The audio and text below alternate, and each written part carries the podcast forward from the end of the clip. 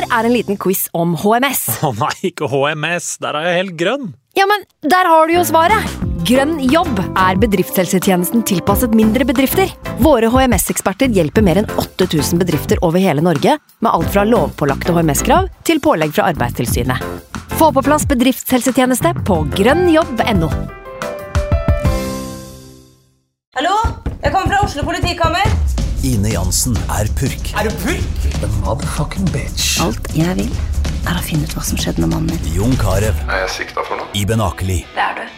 Ole So, Lars Berrum og Big Daddy Karsten. Hvem sin side er du på, egentlig? Anette Hoff, Tone Danielsen, Kommer du fra Afrika? Jørnis Josef, Nesten. Kløfta. Trond Espen Seim, Det er synd å si det, men det var feil mann som døde. Purk. Premiere tirsdag på TV2 Play.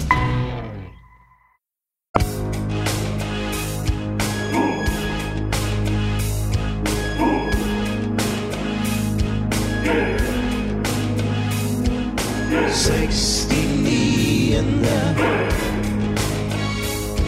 69. Den 69.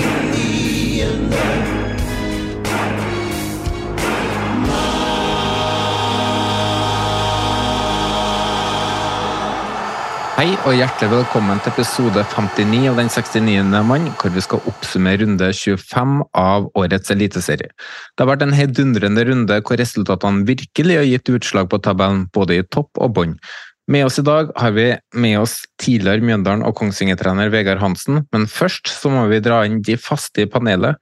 Og det er deg det, Frank, for eh, det er vel egentlig bare du som kan karakterisere som fast? Ja, du har med deg sjøl. Du er nå rimelig fast du også, da. Men eh, jo, takk. eh, Godt å være tilbake. Og nå har vi kjørt litt eh, spesielle episoder der du og Norskan har kjørt én episode, jeg og Snorre har kjørt en annen episode innen landslagspausen. Så godt å være tilbake med ei rundeoppsummering nå, og spennende gjest var med oss i dag òg. Det blir deilig. Og så har vi Snorre, da, som er på middag med jobben og kunne dessverre ikke være med. Og så må vi litt innom Arskan, for der skjer det litt ting. Ja, Arskan har jo ja, han fikk seg jo jobb nå etter at han begynte i podkasten, fikk han seg en ny jobb. Og så har han vel eh, fått ei sånn midlertidig ny stilling der som uh, gjør at han skal inn som hva er det, markedssjef det var. Jo, det Så- var det. Ja, stemmer det. Så det innebærer jo naturligvis langt mer arbeid. og Arskan har jo lyst til å fortsette podden, men vi har sammen funnet ut egentlig at det ikke er noe poeng, for det krever jo en del arbeid for å være med her òg. Ja, det gjør det. de, de lytterne som tror at det kun er et par timer med innspilling, og det er det, de, de må tro om igjen, skulle jeg til å si. Det er nok en god del timer forberedelser og research og planlegging før og etter episoder. Så ja, det er krevende. Og Det innebærer jo at Ashkana gir seg i podden, og han blir med neste mandag etter at Vålerenga har knust Rosenborg på Intility, som da blir Arskans siste episode. Så får vi se da om eh, vi skal utvide med én fast, eller om vi skal ha med ha tre faste i en rotasjon, eller ja, hva vi gjør. kommer litt an på hva du òg velger å gjøre med det tilbudet du har fått. da. Så får vi se om vi klarer å drive podden videre eller ikke. Det er kanskje ikke så aktuelt for meg og Snorre å kjøre alene, så vi får se hva som skjer. Jeg har heldigvis god tid på oss da. Jeg fikk deadline første første, så jeg skal bruke tida godt eh, fram til da på å tenke meg ja, nøye om. Ja, Uansett hva det blir, så må du vel tenke på deg sjøl og familien din først. Ja, litt ille omtalt deg og Snorre som familien min, men eh, ja, jeg syns det er utrolig kult å holde på med poden, så får vi se hva det blir til. Men om vi fortsetter, så må vi uansett ha én person med i panelet. da. Det tenker i hvert fall jeg. Hvis vi skal kjøre to episoder i uka fast fra neste år, så det Det merker jeg egentlig bare på hvordan kjøret har vært nå med to episoder i uka den siste tida. Så tror jeg det er greit at vi kanskje er fire, så vi har litt rotasjon og litt grann slingring i forhold til når folk er utilgjengelige osv. Jeg har jo sagt opp begge trenerjobbene mine, sånn at jeg kan satse fullt på podkasten her, så vi er klar for å kjøre på for de som lurer på det. Men eh, eh, det er jo flere som har spurt om det, men vi skal fortsette å være gratis. Vi skal ikke bak noen betalingsmur, så det er sagt. Nei, vi skal aldri bak betalingsmur. Det er klink. Så må vi presisere at med ny person inn, så skal det ikke være en ny Vålerenga-supporter. Vi merker at det ble litt skjevt. Ja. Og vi trenger heller ingen fra verken Rosenborg eller Glimt sine tre våre klubber. Nei, eh, helst eh, ikke det, da. Um, men i hvert fall ikke Glimt. Nei, I hvert fall ikke Rosenborg. Nei da, i hvert fall ikke Glimt. Det skal jo eh, Det er jo kanskje smartest å gå for en Brann eller Viking. ja, eller kanskje Lillestrøm eller Gods eller noe sånt. Viktigste, viktigste uansett at du får en bra person i podkasten. En som, eh, som det funker å samarbeide med. En med god kapasitet, og som eh, lytterne kan like. Ikke Arskan, med andre ord. I hvert fall ikke Glimt. Jeg må informere at denne episoden er inneholder reklame, for denne episoden er sponsa av Færder begravelsesbyrå. Men nå må vi få introdusert dagens gjest, for i, i sitt 17. år som trener i Mjøndalen var han den nest lengstsittende hovedtreneren i toppfotballen i verden da han fikk sparken. Det eh, ble da en kort tid innom som eh, ekspert i um, Discovery, kort visitt der, før nye utfordringer dukka opp og Kongsvinger så lenge ut som et opprykkslag. Men sviktende resultater og uro innad, hvor det ble rapportert om stor misnøye i spillergruppa. Det endte til slutt med sparken, og nå er han med oss for å oppsummere runde 25 av årets eliteserie. Vegard Hansen, velkommen til oss. Takk for det. Vi så i går at eh, Geir Bakke ble konfrontert av VG med rottebannere, og VG-journalisten spurte da syns du rotte er et beskrivende dyr for deg. Eh, vi kan ikke være noe dårligere enn VG, Vegard. Hvilke dyr identifiserer du deg med? Oh. Det er noe ah, vi er nødt til å mm? Jeg ble spurt om det for noen år siden i England, husker jeg. og Da, da svarte jeg katte. Eh, fordi de, eh, de, spiser, sover og parer seg. Og jeg tenkte det må være et ålreit liv. Eh, helst ikke kastrert hannkatte, da, men Nei, det, nei jeg veit ikke helt. Jeg liker lik den, ja. ja. Er ikke det greit, da? Jo, det får masse kos og ja. mus, skulle jeg til å si. og litt, litt sleipe og lunefulle innimellom. Det kan godt passe, det. Ja, det, det passer, å være sleip det passer jo for en trener. Det er jo en viktig egenskap uh, der. Litt sånn kynisk. Ja. ja. Enn du da, Frank? Hvis du er dyr? Nei, jeg Ungrotte? Jeg, jeg, vet, jeg vet ikke helt. Jeg har ikke tenkt helt på den, men uh, jeg Nei, hva skal jeg si? Jeg må jo bare bli en sånn uh, uh, hva, hva, det var han Jens Petter Hauge sa at vi var oppe her oppe Vi er fiskehippier, så jeg må være en fisk eller noe sånt. Ikke sant. Ja, eh, men Vegard, vi skal gå gjennom litt Før vi går gjennom runden, da, så må vi litt innom deg og din trenerkarriere. For du, du starta jo start, du har jo starta å snakke om eh, Du snakka om sparkinga med våre gode venner i podkasten Driblevekk. Eh, men for de som ikke har hørt den episoden, så kan vi godt få litt av den her òg. Hva var det som egentlig gikk gærent i Kongsvinger?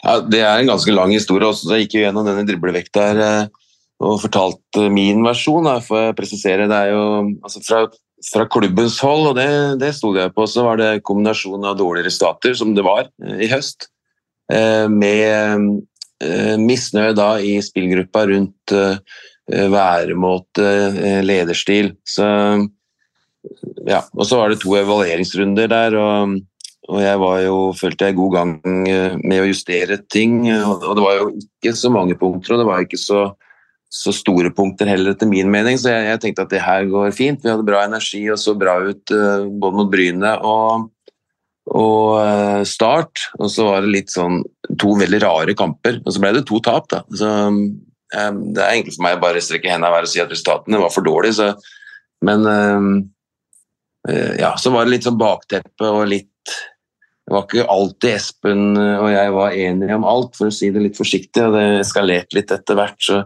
jeg tror at hvis Espen hadde vært sterkere sammen, så tror jeg vi skulle løst det her. Men så følte nok han kanskje at hans innflytelse etter hvert uh, ble litt begrensa av, meg, etter hvert som konfliktene eskalerte litt og, og ble litt heftigere også. Så jeg tror hans, hans, lyst til å løse det her, da, det, det tror jeg kanskje ble redusert etter hvert, uh, i takt med, med konfliktnivået. Så, så ble totalen, tror jeg, da, sånn at, at, han tenkte at nei, det er bedre å å få eh, kranglefanten ut, og så heller prøve å ordne dette på en annen måte.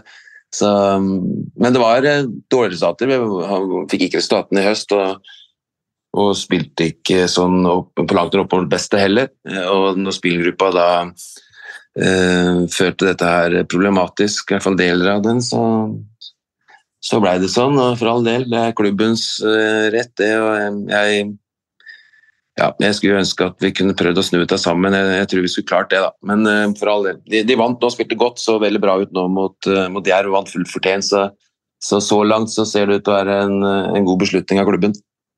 Jeg har snakka med flere godt opplyste personer som sier at Espen Nystuen er ekstremt vanskelig å samarbeide med. Eh, det hevdes at han ønsker å involvere seg veldig mye på det innen sport, da, som lagoppstilling av formasjon osv. Hva, hva har du å si til de påstandene? Er det der han øh, prøver å ha innflytelse, eller? For det første da, så er Espen en, en, smart, intelligent og flink fotballmann med masse kompetanse. Eh, og han, det er jeg 100 sikker på. Espen vil Kongsvinger sitt beste, har gjort en kjempejobb der og fått økonomien på plass. og Har kontakter med investorer og sponsorer og er, er, en veldig flink klubbmann. Eh, han prøvde aldri å blande seg inn i verken formasjon eller eh, eller spillestil eller eh, laguttak. Eh, jeg diskuterte mye med Espen og, og konstruktive stort sett eh, diskusjoner rundt det her. Tok han med i råd. Men så var det andre ting, kanskje litt sånn i, i, grensesnittet mellom hva som var mitt ansvar og hans sitt ansvar, og litt han, ting han opplevde som veldig viktig. Da. Noen temaer som han brant veldig for. og da da kunne det være sånn at jeg syntes det ble litt vanskelig. Um, jeg tror ikke jeg skal gå inn på akkurat eksempler rundt det, men, men det, ikke, det, jeg hadde ikke noe problem med, med at han blanda seg inn uh, i forkant av kamper. Um, men det ble litt sånn andre situasjoner og, og ting som, uh, som ble litt vanskelig for oss som par. Men vi likte nok og liker nok uh, veldig godt å bestemme begge to. Og når ikke begge fikk det, så, så ble det litt hett noen ganger. Men um, ja, jeg tror ikke jeg skal gå så mye mer inn på det. Det, det var en, eller saker mellom Espen og meg der etter hvert som, som ble litt vanskelig, syns jeg i hvert fall. Det tror jeg han følte på. Den, den misnøyen til lederstil og væremåte i spillergruppa, da, og var det sånn at du følte at når dere hadde snakka om det, følte du at du fikk god nok tid til å på en måte få endra på det her før det plutselig bare ble over, eller hvordan føler du liksom hele den situasjonen ble? Nei, det, det, fikk jeg jo ikke, og det er jo Altså, vi hadde først uh, Dette dukka opp gjennom Glåmdalen, og så var det én runde der i slutten av den uka i forkant av Brynekampen hvor vi tok tak i ting på torsdag, fredag ja, Torsdag kveld og fredag formiddag så hadde vi et uh, fint møte da i forkant av, av kampen mot uh, Bryne. Da var vi fantastiske, det var det beste vi har gjort i i høst og burde feid Bryna av banen. Og så fikk vi en veldig uheldig utvisning og endte med å tape den kampen. Helt utrolig. Um, og så tenkte jeg at dette her eh, var bra energi. Jeg følte, det gjorde jeg aldri. Jeg følte alltid jeg hadde et godt forhold til spillerne. Uh, jeg er jo klar over pedagogiske måter å være på, hvordan man skal lede en gruppe. Og så, er min personlighet litt sånn Den kan bli litt voldsom. Jeg er veldig glad når vi vinner, veldig lei meg, skuffa, kanskje blir sint når vi når vi taper og har et tydelig kroppsspråk. Så, så, det var sånne ting med tilbakemeldingskultur og, eh, og ting som jeg misforsto litt. Dette her gikk bra i Mjøndalen siste året, men det var en spillgruppe som da var selvfølgelig vant til meg, og, og, kompiser av meg som kjente meg og tenkte at ja, Vegard er Vegard. Og så kom jeg inn i en ny gruppe som, som hadde hatt uh, Mæland og andre litt yngre trenere kanskje en periode, som, som var, uh, tror jeg, da, en del runder i kantene. Så, så det ble litt uh, annerledes for spillgruppa. Så, men eh, noe tid til å justere fikk jeg jo ikke. Eh, så når den beslutningen her ble tatt, eh, om det var etter startkampen eller jeg, Det vet jeg ikke, det fikk jeg aldri noe ordentlig svar på. Så, men jeg, jeg, tror vi Eller jeg, jeg, tenkte at dette her skal vi få til nå sammen, i hvert fall ut sesongen. Men det var noe som skjedde på veien der. Jeg har ikke helt fått tidslinjene og, og hendelsesforløpet til å passe helt sammen. Så, men det er for så vidt det sammen. Og det, Espen eh, tok en beslutning eh, og gjennomførte det. og så Lykke til til dem. Nå vant de nå, og så har de tre fine kamper igjen. så Hvis de står der og, og rykker opp eh, om en måned, så har dette vært en helt super beslutning fra, fra Nystuen igjen. Altså. Men jeg hadde tro på at jeg kunne være med og, og snu dette her med de, de, få og litt sånn ikke noe alvorlige punkter, sånn som jeg så det. Altså, jeg hadde lyst til å, å justere meg, jeg hadde starta den prosessen, men fikk ikke mulighet til det, da. Jeg har lyst til å benytte anledninga til å oppfordre enkelte til slutt å spre litt falske rykter. For, eh, for, falske rykter kan få konsekvenser. I det tilfellet så gjelder jo egentlig deg, Vegard. For det ble jo skrevet en del på Twitter eh, om at du har hatt jeg trenger ikke gå inn på hva som ble skrevet, men det hørtes jo helt absurd ut. Og at flere navngitte spillere på Kongsvinger kunne bekrefte. Eh, som var rykter som kunne ja, hindra deg å få andre trenerjobber. Da. Og heldigvis kjenner jeg jo de, de, spillerne på Kongsvinger som det ble referert til, og kunne kontakte de og fikk det egentlig avkrefta umiddelbart. Og tror de tweetene ble sletta. Eh, for å være sikker så sjekka jo de med andre lagkamerater òg, eh, og kunne igjen bekrefte at det som ble skrevet på Twitter, var jo bare eh, løgn. Eh, hva tenker du egentlig når du får Jeg vet ikke om du har sett det, eller lest det eller hørt det, men hva tenker du når du får eh, hva skal jeg kalle det, eh, grunnløse rykter på deg som person, og hva du gjør på fritida? Nei, det, For det første så var dette, dette nytt for meg. Dette har ikke jeg fått med meg helt av. det. Eh, vi kan, ta det off, vi kan ta det off record når du slår av opptaket etterpå. ja, Nei, det, det veit jeg ikke, men jeg leser aldri kommentator kommentorfelt og sånne ting, og på Facebook og sånn, så jeg holder meg unna det. For jeg, det er så mye rart som står der. Jeg kan ikke forholde meg til det. Så eh, Hva skal jeg si Det er eh, sånn som verden har blitt da, med sosiale medier og, eh, og ja, at man kan bare kaste ut ting uten å stå til rette for det, så, så har det blitt sånn. Og det er en del av, av det å være i fotballen også. Og for trener så har nok Geir Bakke fått sitt eh, de siste eh, dagene og ukene sikkert også, så, så det er noe vi bare egentlig må leve med. Uh, så, er det enklest å bare slette sosiale medier og holde seg unna når man er trener, eller?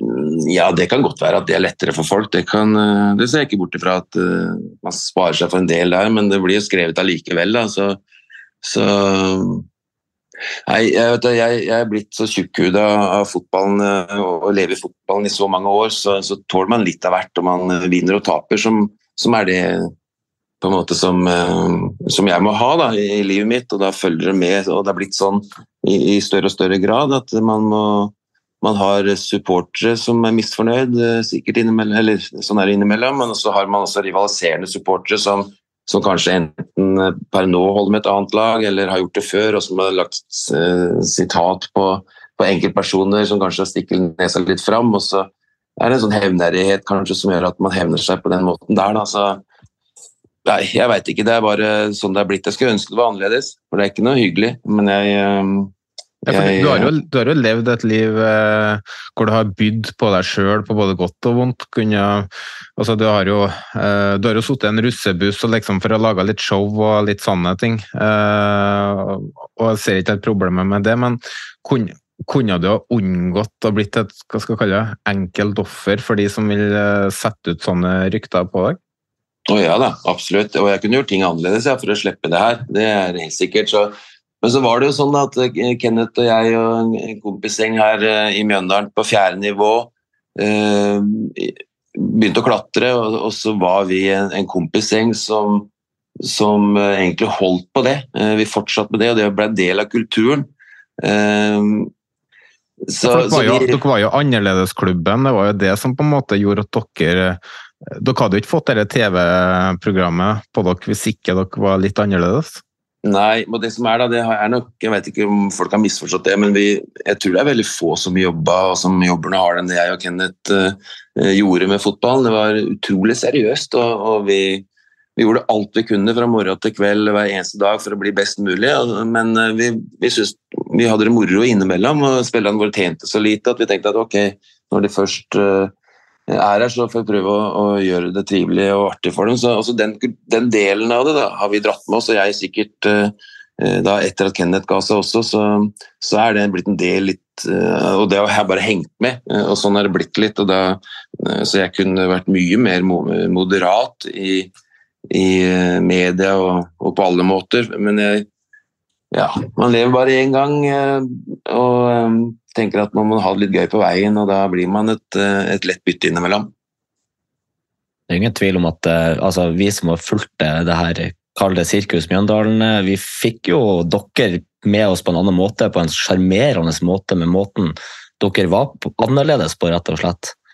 Så. Ja, vi er Veldig åpne og ærlige. Det var noe av det første vi bestemte oss for. Ikke minst da den serien eh, skulle lages, så sa jeg at dere kan få filme akkurat eh, hva dere vil. Eh, vi kommer ikke til å være noen skuespillere, for det tror jeg ikke vi er så gode til, men, men vi har ingenting å skjule heller, så film akkurat hva dere vil. Opp- og nedturer. Det, det skjønner vi blir bedre TV. så så vi, vi, har egentlig levd etter det hele tida, og det har dratt meg videre også. Eh, etter at Kenneth ga seg også, som sagt. Så, og da, når man er ærlig eh, over tid og, og, ikke legger skjul på ting og ikke prøver å gjøre seg bedre enn man er, så, så trår man feil innimellom, og da, da, er det lett å, å, å ta oss, da.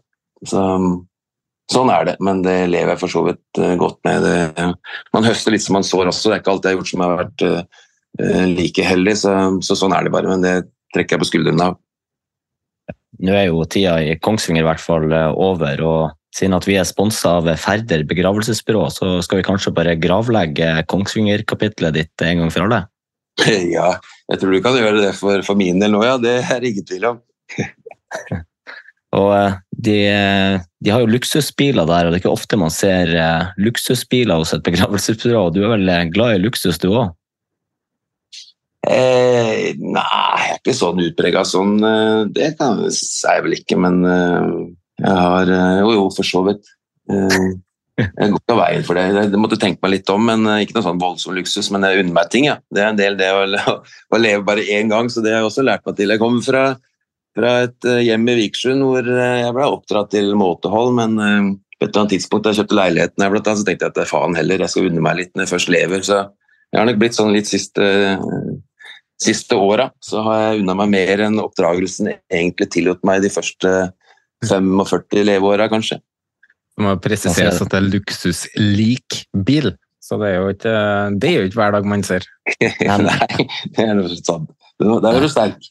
Her er jo Jonas sin måte å skrive inn reklame i podkasten på, og samtidig klare å lure gjesten til å bli med på det òg, men da sier vi det bare sånn at da bruker vi Færder begravelsesbyrå til å bare gravlegge den Kongsvinger-karrieren. Og så kan vi jo snakke litt om tida di i Mjøndalen. 17 år som trener i en og samme klubb. og Det må jo være en klubb som betyr enormt mye for deg?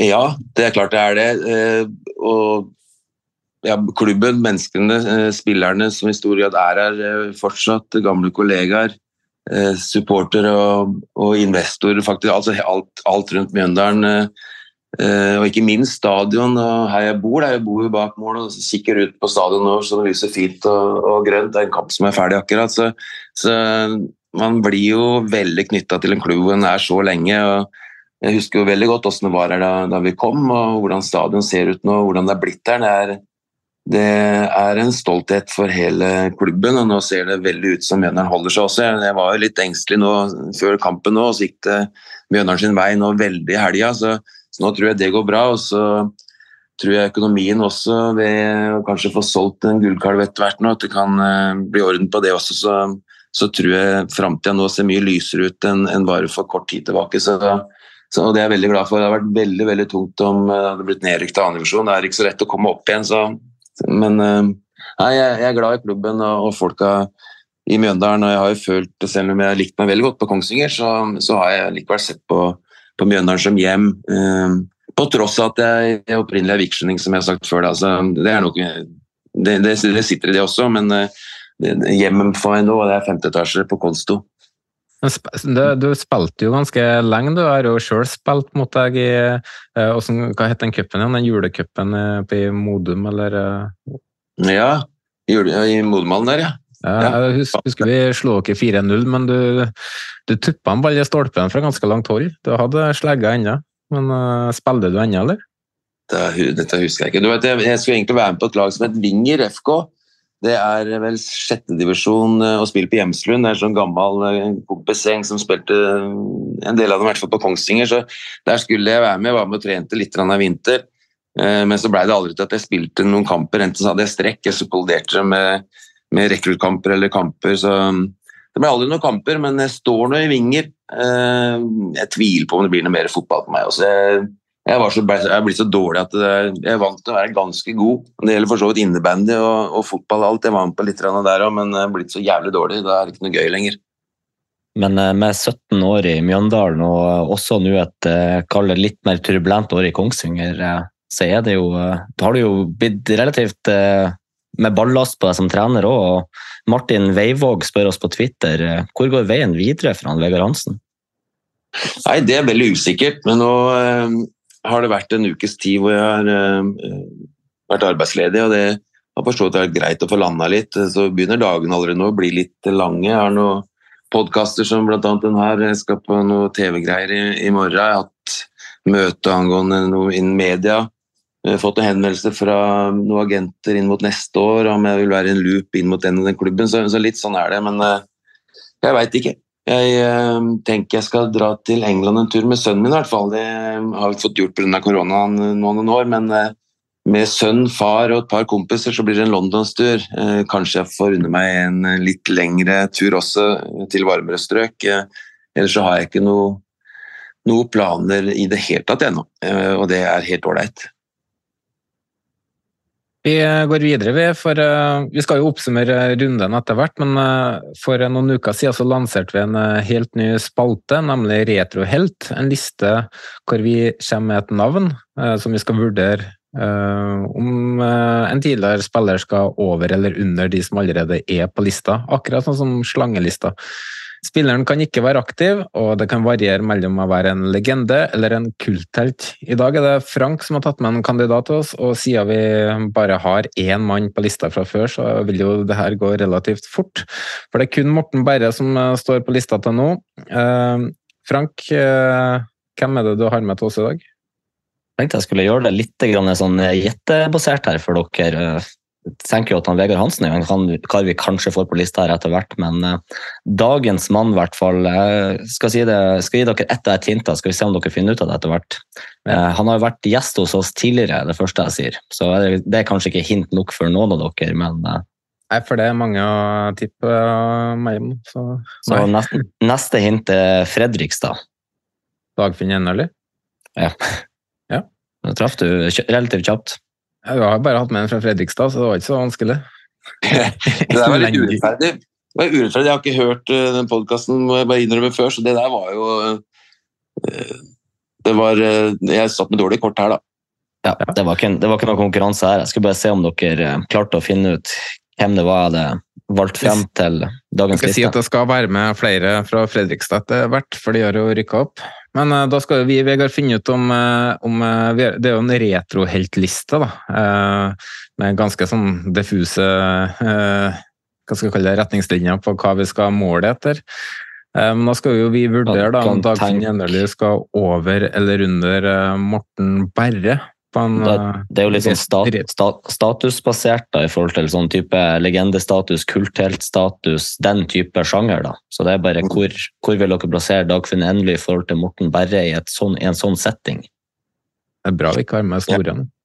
Jeg har hørt eh, fine ting om dem begge. Morten Berre uh, har jeg hørt mye skryt om som, som, klubbspiller. Og, og, jeg skjønner at han er på en liste. Dagfinn Endelig han fikk jo, som vi alle vet, Eh, karrieren ødelagt eh, og, og liv til en viss grad også, selvfølgelig, da, med, med, den forferdelige skaden han, eh, han fikk. Så jeg husker ikke, var han, han hadde vært i Rosenborg vel og var tilbake i Fredrikstad. Var han i, i 30-åra blitt, eller? Var det så at han spilte nok kamper? Liksom? Lurer på om han var 33 da ja. det der skjedde. Eh, ja. Så han hadde jo fortsatt noen gode år igjen, han. Um, jeg må jo si at det skjedde ett etter den ulykka. Da, så det var jo helt grusomt, da, for det første. Og så virker som han har en familie og har klart seg veldig fint allikevel. Men jeg må jo si måten han har takla det på utad, i hvert fall. Og det har helt sikkert vært tungt for han eh, til tider. Men, men, bare av den grunn, hvis det kan være med og, og påvirke til en viss grad, så ville jeg satt han ganske høyt. Da. For det har vært imponerende. Eh, tilsynelatende uten bitterhet.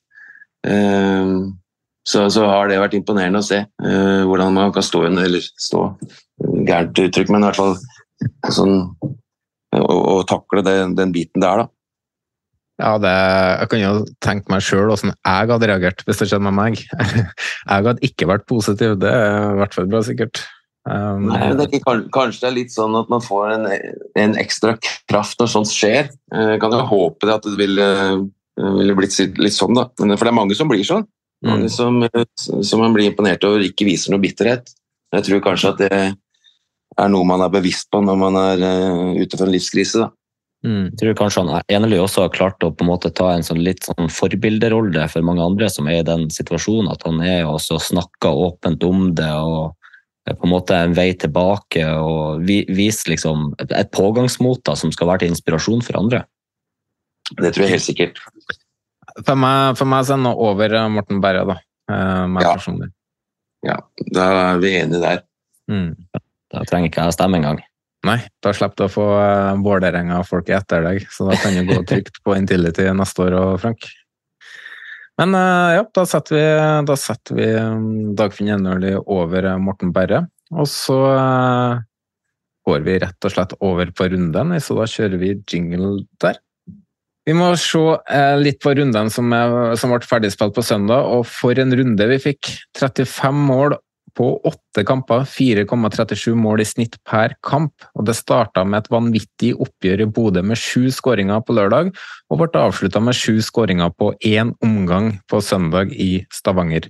Og ikke minst et derby som inneholdt pyro, røyk, tifo, høy temperatur og fullt fortjent seier til hjemmelaget. Og la oss starte med den kampen som fikk størst oppmerksomhet denne runden, for det er utvilsomt årets mest omtalte oppgjør.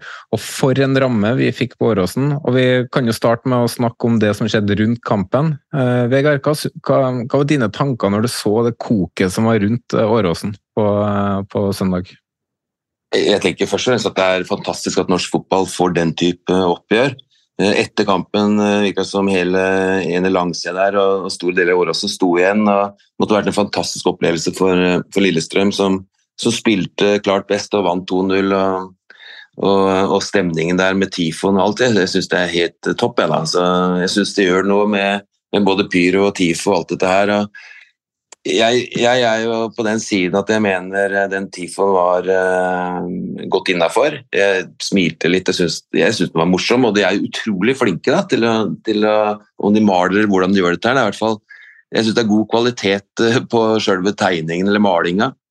Det, det var jo litt humoristisk på Twitter. Det var noen som mente det så ut som en blanding mellom Gollum og Trygve Slagsvold Vedum. Jeg ser litt hva de mener der, men det var utrolig kul tifo. Det syns jeg òg. Ja, det der må da være innafor. Så, så ser Welhaven i VG og er mer kritisk, og, og Mini og andre har vært veldig kritiske. jeg, jeg skjønner jo det, og sånn situasjonen er med, med drap på de to svenskene. Altså, så eh, var ikke timinga kanskje sånn helt topp, da, men, men det, ja, jeg tenker, Det var snakk om at unger ser dette her, ja ja, men de ser jaggu verre ting enn en sånn TIFO på en fotballstadion som er humoristisk eh, retta. Da. Det er jo mye mye verre hvis du ser eh, Dagsrevyen en kveld nå, så, så ser du mye verre bilder enn det der. og De driver med TV-spill og, og, og ser, opplever de, Det er så mye negativ input eh, på barn og ungdom nå at en en for fra eller til som jeg tenker er mer enn noe annet, bare humoristisk. det ja, jeg syns Geir Bakke svarte veldig godt for seg. Da. Jeg tenkte at dette her får jeg tåle, og det tror jeg han eh, gjorde veldig fint. Og det var ikke noe eh, voldelig og ikke noe angrep, ikke noe kasting eller noe som helst, sånn som jeg opplevde det. Så det der var en, en fin dag det for norsk fotball, og, og for Lillestrøm spesielt. Altså, jeg syns det var artig å sitte og følge med på kampen. Simen Solan spurte om det der på Instagram og om eh, Tifon eh, om, om det er ok eller, eller om det går for langt. Men eh, kan jo spørre om Men apropos langt, du må jo hylle den enorme tifoen Lillestrøm leverte før kamp der med jeg tror det var 90 eller 100 meter lang den her de hadde på hele langsida. Det er en av de peneste tifoene i hele Norden så langt i år. Tenk hvor mange timer arbeid som ligger bak noe sånt. Det er enormt, altså. Helt Helt Ja, vi, vi, vi hadde en fantastisk gjeng, eh, 30-50 i Mjøndalen også, som, som lagde for rett som det var. og De jobba jo dag og natt de, eh, siste uka før kamp, og, og det var altså så imponerende. og Det var stor, svær jobb. Eh, og jeg, De holdt jo på bak- under tribunen på, på stadion her. og jeg tør ikke å tenke på hvor lang tid eh, Kanarifansen har brukt på de TIFOene der. Det har vært eh, en svær jobb for mange over eh, sikkert dager og uker. så så jeg, jeg hyller det, eh, og så skjønner jeg at det er litt i grenseland med, når du snakker om, om det å ta livet av folk, selv om det selvfølgelig er i overført betydning og ikke menes bokstavelig. Så, så syns jeg det, er, det, det, setter en ramme rundt kampene som en liten spiss på, på den type oppgjør, syns jeg. da. Benjamin Sars spør jo tanker om at man i de siste årene har begynt med fyrverkeri i tillegg til bangers og bluss på tribunene? Så lenge det er lov og ikke skadelig, så syns jeg det også er uh, kult. Det. Jeg skulle ønske det var sånn da jeg spilte. Uh, altså Høstkamp nå, og jeg elsker naturgress, og Åråsen er fantastisk. Og når det var fullt nå mot Vålerenga, med fyrverkeri og alt som uh, som lyser og brenner og røyker og TIFO og sanger og alt. Altså, Alternativet, da. Eh, hvis du har eh, 1500 mennesker som ikke lager noe lyd. Altså, det er jo utrolig mye mer moro å spille. Utrolig mye, mye mer moro å være på kamp og se det på TV når det skjer ting. Så, så mm. lenge det er i, i trygge former og det er ingen, ingen som blir skada, og det er uh, lov, så kjør på for min del. Jo mer og bedre, nesten. Og dette var helt topp. Kjempeunderholdning å sitte og se på den matchen eneste lille minus der er jo de blussene som går ut på banen. Der, eh, altså Alt annet er jo helt perfekt, og så bare ikke kast dere ut på banen, for det ødelegger bare. Så, men ellers er det jo helt nydelig. Ja. Det er, det er noe greit. Er, på kunstgress så blir det brenner det høl. Det skjedde her da vi slo brann det året, i, i 2014. Så, så, måtte vi skjøte litt på en gressbane, så god er det også, da. Nå begynte kampen litt seinere, men det får være prisen man betaler. Mm. Eh, dine tanker om kampen da, Vegard? Nei, det, jeg syns Lillestrøm er eh, Bortsett fra akkurat rett før det ble to, så syns jeg Lillestrøm var klart best. Um, og så hørte jeg Joakim Jonsson i dag svarte godt for seg for øvrig han også, hvor han ble spurt om uh, om guttene gjorde det så godt de kunne, og selvfølgelig gjør de det. Det er mentale prosesser som gjør at det ser ut kanskje at man ikke gir alt, men det, det er ikke så lett. Nå har jo da Haakons og, og Risnes to veldig gode spillere, spiller nå wingbacker i et nytt system. Ah, det er ikke så lett. Det tar litt tid, tror jeg å få satt det Vålerenga-opplegget. og De ble et eh, litt sånn enkelt offer nå for Lillestrøm, som bare feide over dem eh, tidvis. Så, ja, det, var, eh, det var stor forskjell, og overraskende stor forskjell, egentlig. Så Vålerenga har mange gode spillere, men har ikke klart å få et lag ut av det ennå. Og nå må de snart få det, for det begynner å brenne litt rundt dem. Det er solide opptredener i hjemmelaget, da, ikke, ikke, overraskende nok så går det opp i ledelsen etter dødball, som for øvrig var sponsa av Feider begravelsesbyrå. Uh, Vålerenga hadde jo knapt uh, målsjanse utpå. Hva er det LSK treffer på i kampinngangen her? Man kan jo ikke akkurat skylde på at Vålerenga ikke har tenning heller, med, med klanen og, og Vålerenga-supporterne som virkelig fyrer opp bak det. Nei, det har ikke noe med tenning å gjøre, tror jeg. da. Eller De gjør i hvert fall så godt de kan, og så kan det se sånn ut, som sagt. Men eh, ja, jeg, jeg syns Vålerenga, som jeg nevnte det med, med wingbacker som er så offensivt anlagt, det ble litt plass der. Og så gjorde Vålerenga utrolig mange feil. De, var, de er lite fremoverretta også. Når de vinner ballen, så, så, er det veldig de, Og når de først De sa i pausen at de hadde for korte angrep. Ja, de har for korte angrep når de når de bør roe ned. Når de kjører overgang med, med to mot fire, to mot fem, så, så bør man roe ned. Men andre ganger, når det først er rett etter mellomrom, da stoppa de opp og spilte hjemover. Så at Lillestrøm kom på rett side. Så jeg syns ikke de, de, treffer ikke på, med spillere og måten å spille på. Og når skal de gå framover, når bør de roe ned? De kontrollerte ikke kampen. Og De har noen unggutter og de har noe etablerte også, men de, de får ikke satt noe, noe, grunnspill, og de virker litt usikre. Så, og sånn er det sikkert med ny trener, så tar det litt tid. Men eh, det er ikke bare bare å sette elleve gode fotballspillere på en fotballbane og, og, håpe at det skal gå bra. Det, det, jeg tror de har fått merke litt det. Jeg tror de er litt engstelige nå. Hva faen gjør de nå? For de mm. har noen viktige kamper nå. De, de trenger noen poeng for å ikke ha den på kvalik, i hvert fall. Men det, det kan de fort uh, gjøre nå. Så nei, det, det er skumle tider for, for Vålerenga. Hvis du ser på med trenerøya, da, så, så går det jo De, de har jobba med 4-3-3 i mange år nå. Eh, de har jo henta spillere for å utøve den informasjonen eh, og måten å spille på. Og så trygger de litt mer med å legge om til, til fem bak, og så har jo ikke fungert, i hvert fall ikke offensivt. Det har jo sett mye mer solid ut bakover, eh, riktignok. Um, ville du som hmm? Unnskyld, hva sa du? Ville du som trener ha, ha, gjort noe annerledes der, og kanskje gått for det mer kjente? Ja, no, Geir Bakke er en fantastisk trener og har gjort det bra både her og der, og KBK og ikke minst Sarpsborg. Så jeg har fått sparken nå to år på rad, så jeg skal, skal ikke drive og belære han. i hvert fall. Eh, men, men sånn som Off-Keer f.eks. er jo en klassisk wing. Eh, han får vel ikke helt ut det han var virkelig god på i, i Sandefjord i fjor. Risnes jeg på som en inderløper som kunne kunne vært virkelig god der.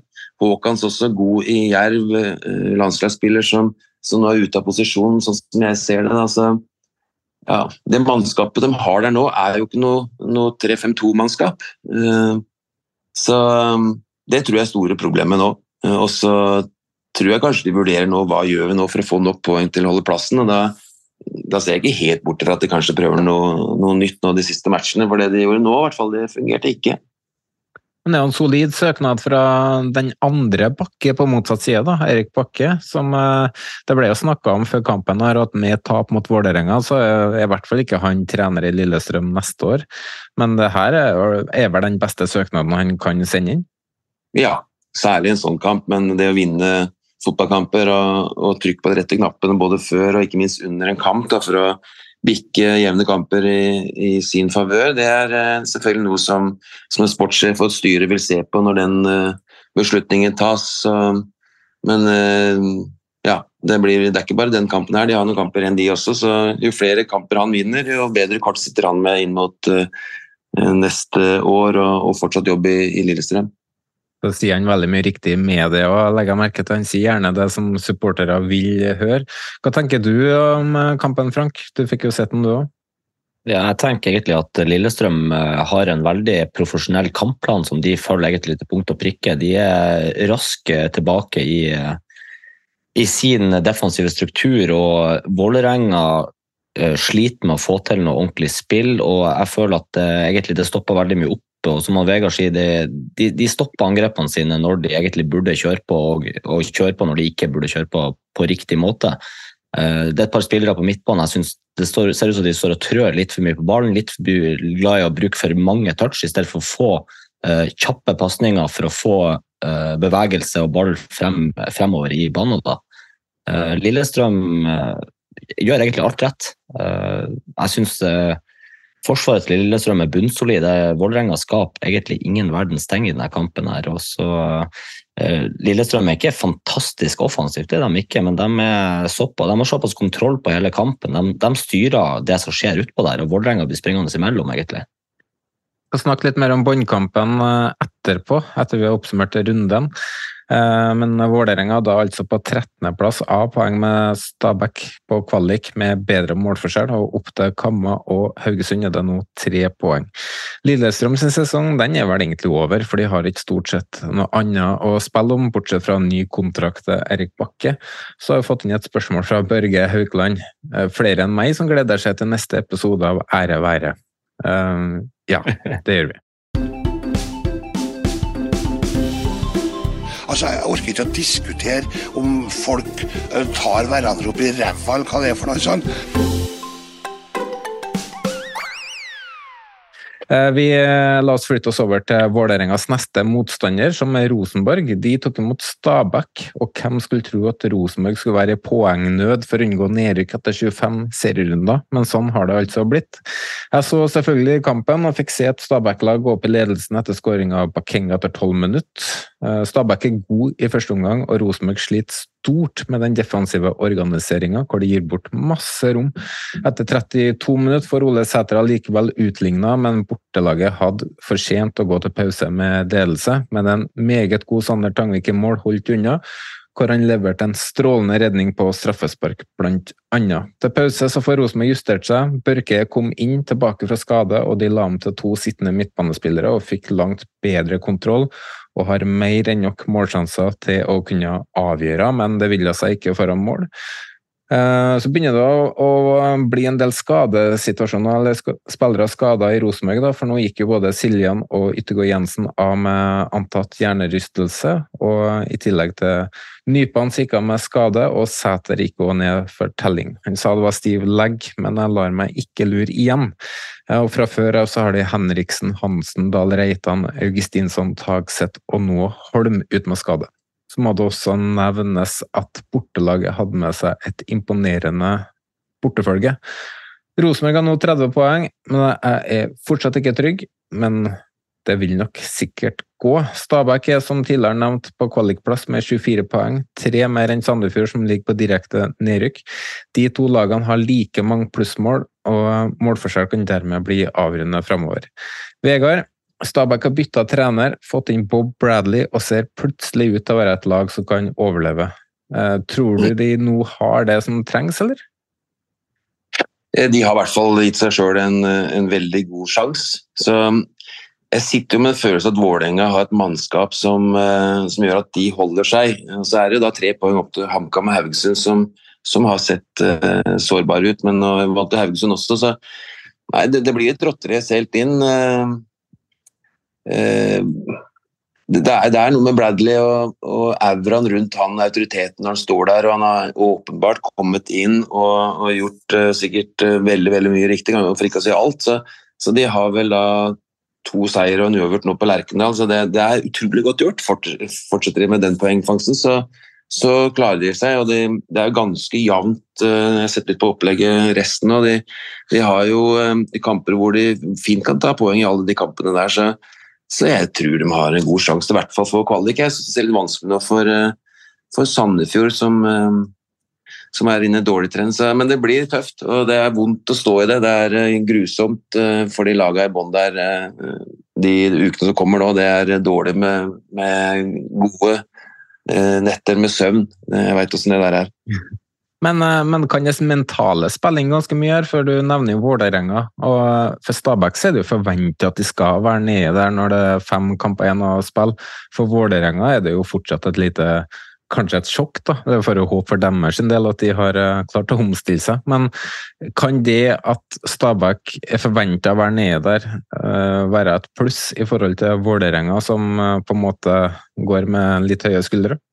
Ja, det tror jeg. Det altså Hvis Vålerenga skulle rykke ned, det, det er når jeg snakker om den, den, smerten som man opplever i bånn, det kan du gange eh, kanskje med ti da, når du er Vålerenga-trener. Altså, for Bakke Joakim Jonsson blitt henta inn dit for å, for å, kjempe i toppen, og så sliter du nå helt i bånn. Eh, det er det vil nærmer seg sånn frykt. Altså de, og Hvis det sprer seg rundt i klubben, supportere er negative, alle er negative, går i butikken så er, er alle negative, snakker om mulig nedrykk. Så det, Du skal være ganske tøff mentalt som eh, enkeltspiller. Du skal være veldig god som leder for at det ikke blir eh, en frykt som blir eh, litt sånn lammende. Så de har en utfordring i fanget nå, eh, Geir Bakke og, og Jonsson og resten av ledelsen i Vålerenga, og, og med spillerne også. Det er ikke gitt at dette her går. Du sier jo frykt, uh, og det er jo Nå er vi plutselig tilbake på Vålerenga igjen, men, men, det går bra. Du sier jo, du sier frykt, og, og, det er jo litt det vi har sett med Vålerenga i år, da, at når de har tatt ledelsen, så har de plutselig blitt redd for, det, for å miste det de har. Mens når de ligger under, så har de plutselig sett mye bedre ut.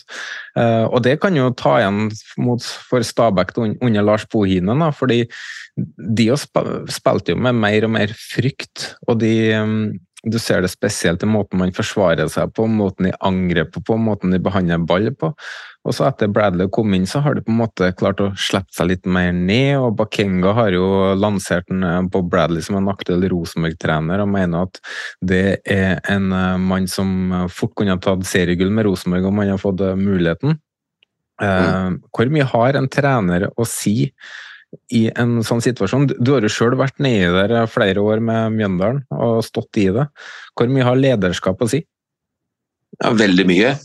Det er eh, sannsynligvis helt avgjørende. og eh, Det er så lett eh, og Jeg får bare snakke med, med egne erfaringer. Da, og det, det, er så lett, det betyr så mye for alle som driver med fotball på det nivået, så, så er det helt altoverskyggende. Og du tenker og tenker og grubler på laguttak, og du ser på neste motstander. Du er så godt forberedt du kan. Og så er det det å unngå at du blir eh, for redd for å tape. Unngå at, du, at den frykten skal ta overtaket. Uh, unngå å være for negativ når det ikke går. Altså Det der er ikke så lett, for det, vi blir så glad når vi vinner og vi blir så lei oss når vi taper. og, og mm, Jeg kanskje mer enn de fleste også, som har vært noen ganger kanskje en, en styrke, men veldig ofte da når du sliter i bånn, så, så, kan det bli en belastning for uh, omgivelsene. Ehm, så, så det, og det har med personlighet å gjøre. Noen eh, trekker på skuldrene og tenker at det er, det er, bare fotball.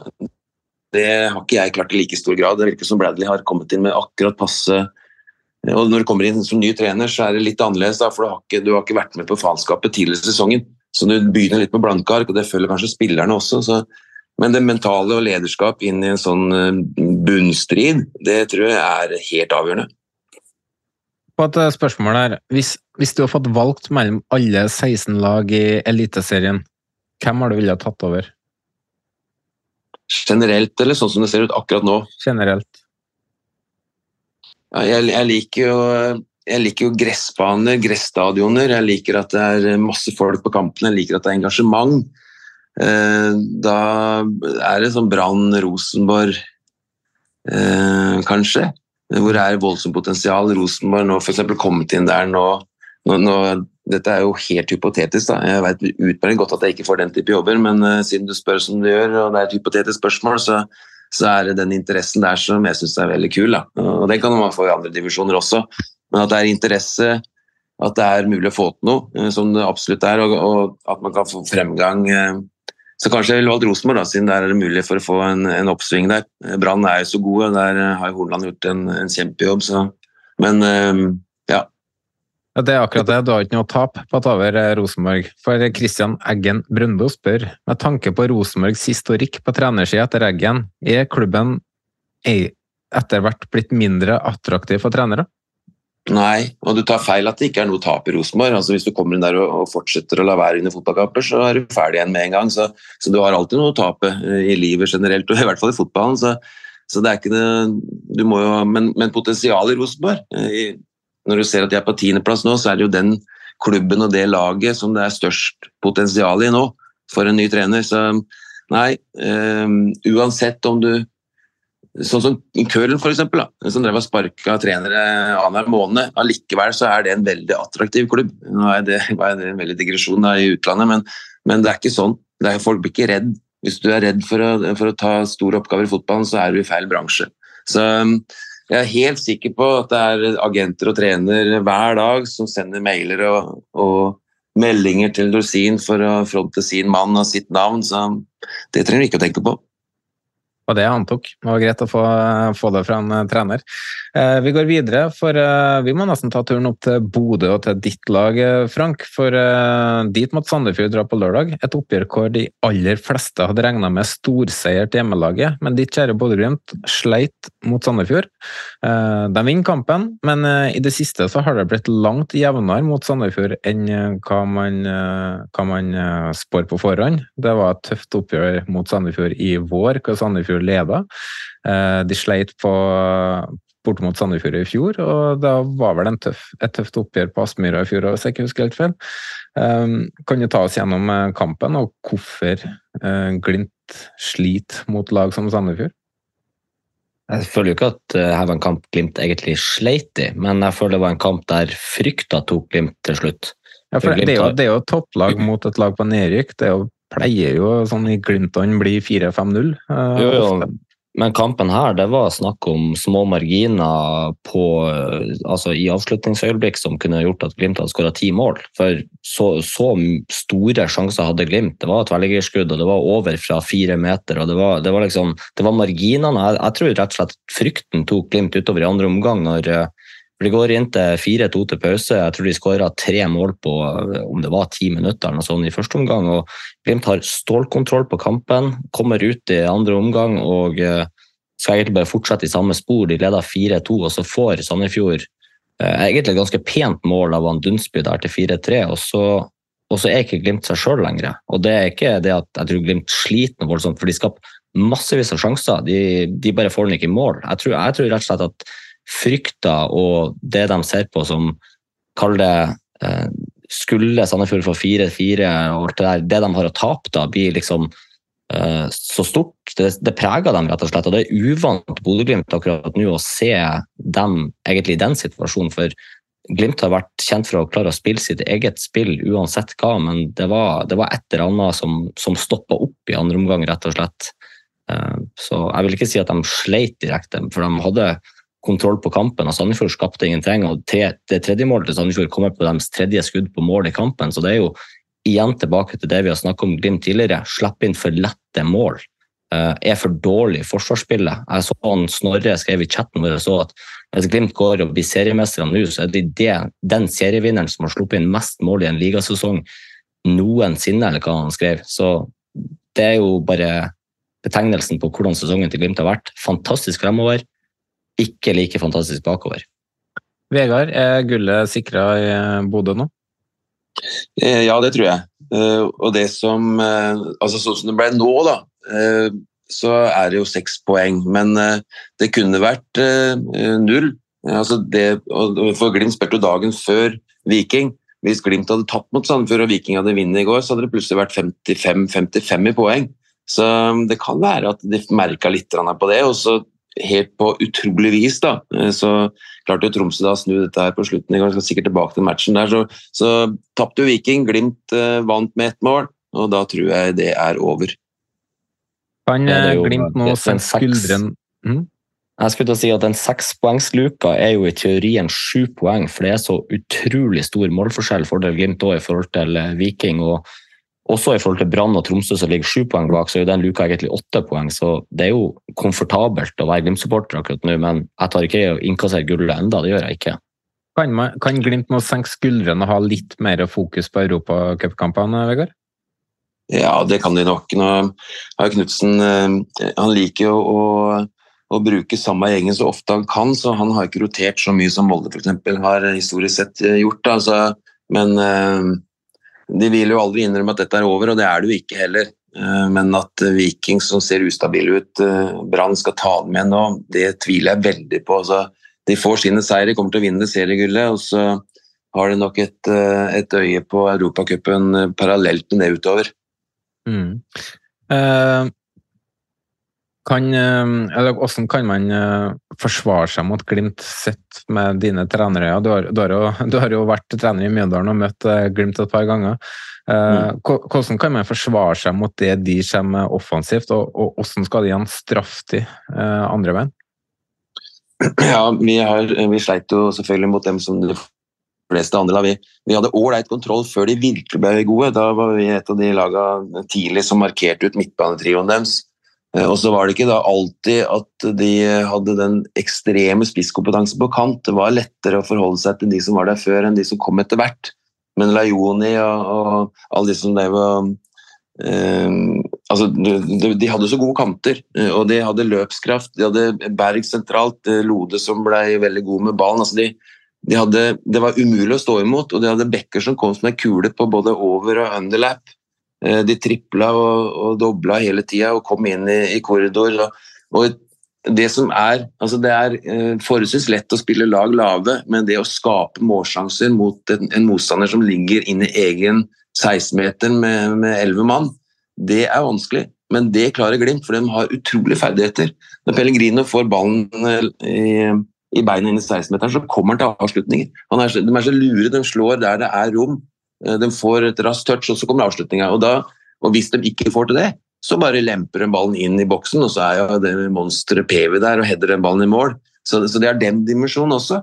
Så det er utrolig vanskelig å stå imot. Eh, det grunnspillet deres er fantastisk godt. Det starter bakfra med stoppere og Berg du har innløpere som kommer i korridor inn i boks. Du har bekker som kommer, kanter som dribler deg, eh, og du har en spiss da som er helt maskin.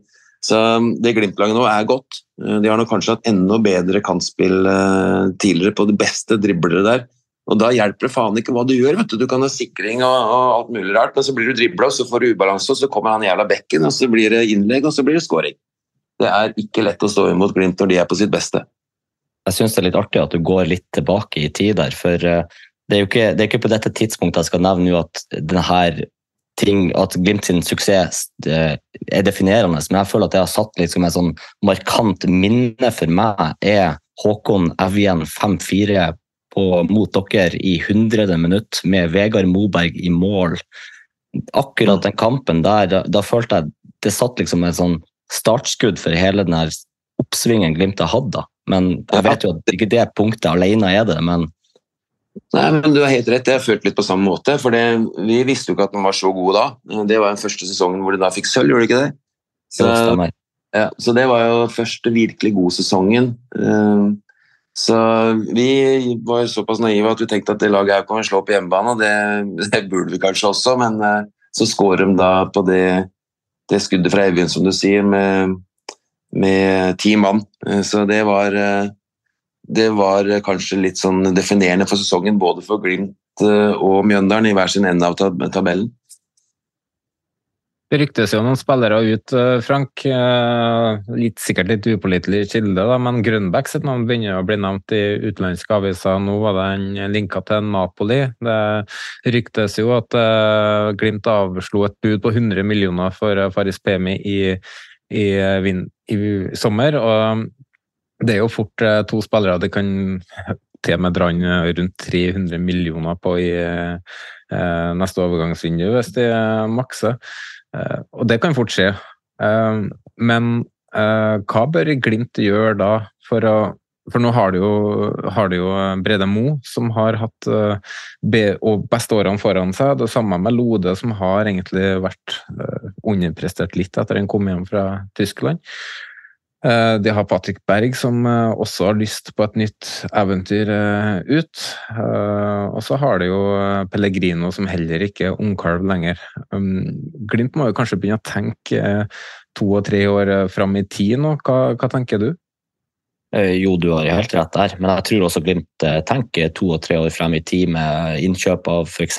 Gulliksen, Bassi, den slags type spillere, da, eh, så har Glimt en ganske bred tropp. Og det er liksom spillere i kall det veldig mange forskjellige alderssegmenter. Så jeg tror jo Glimt på sin måte skal bare fortsette sånn som de gjør i dag. Men jeg tror du nevner Grønbæk og han Faris Pemi kan gå for 300 millioner. Jeg tror at jeg tror at du slenger på han Patrick Berg i den miksen, så har Glimt solgt tre spillere neste år for nærmere 400 millioner. Det er jeg overbevist om. Patrick Berg han er i han er i Norge i maks ett og et halvt år til. Uh, Faris Pemi og Grønbæk de er ikke her lenger neste sommer.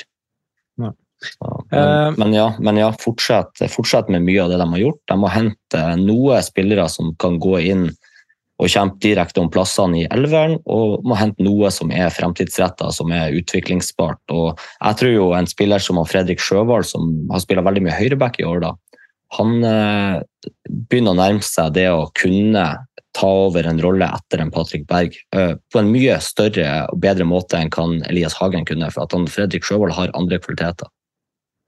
La oss eh, fortsette, eller vi har vært litt innom Sandefjord, men fortsette med bunnkampen framover nå. For eh, vi kan gå videre til laget som virkelig har fått effekt av trenerbyttet, nemlig Haugesund.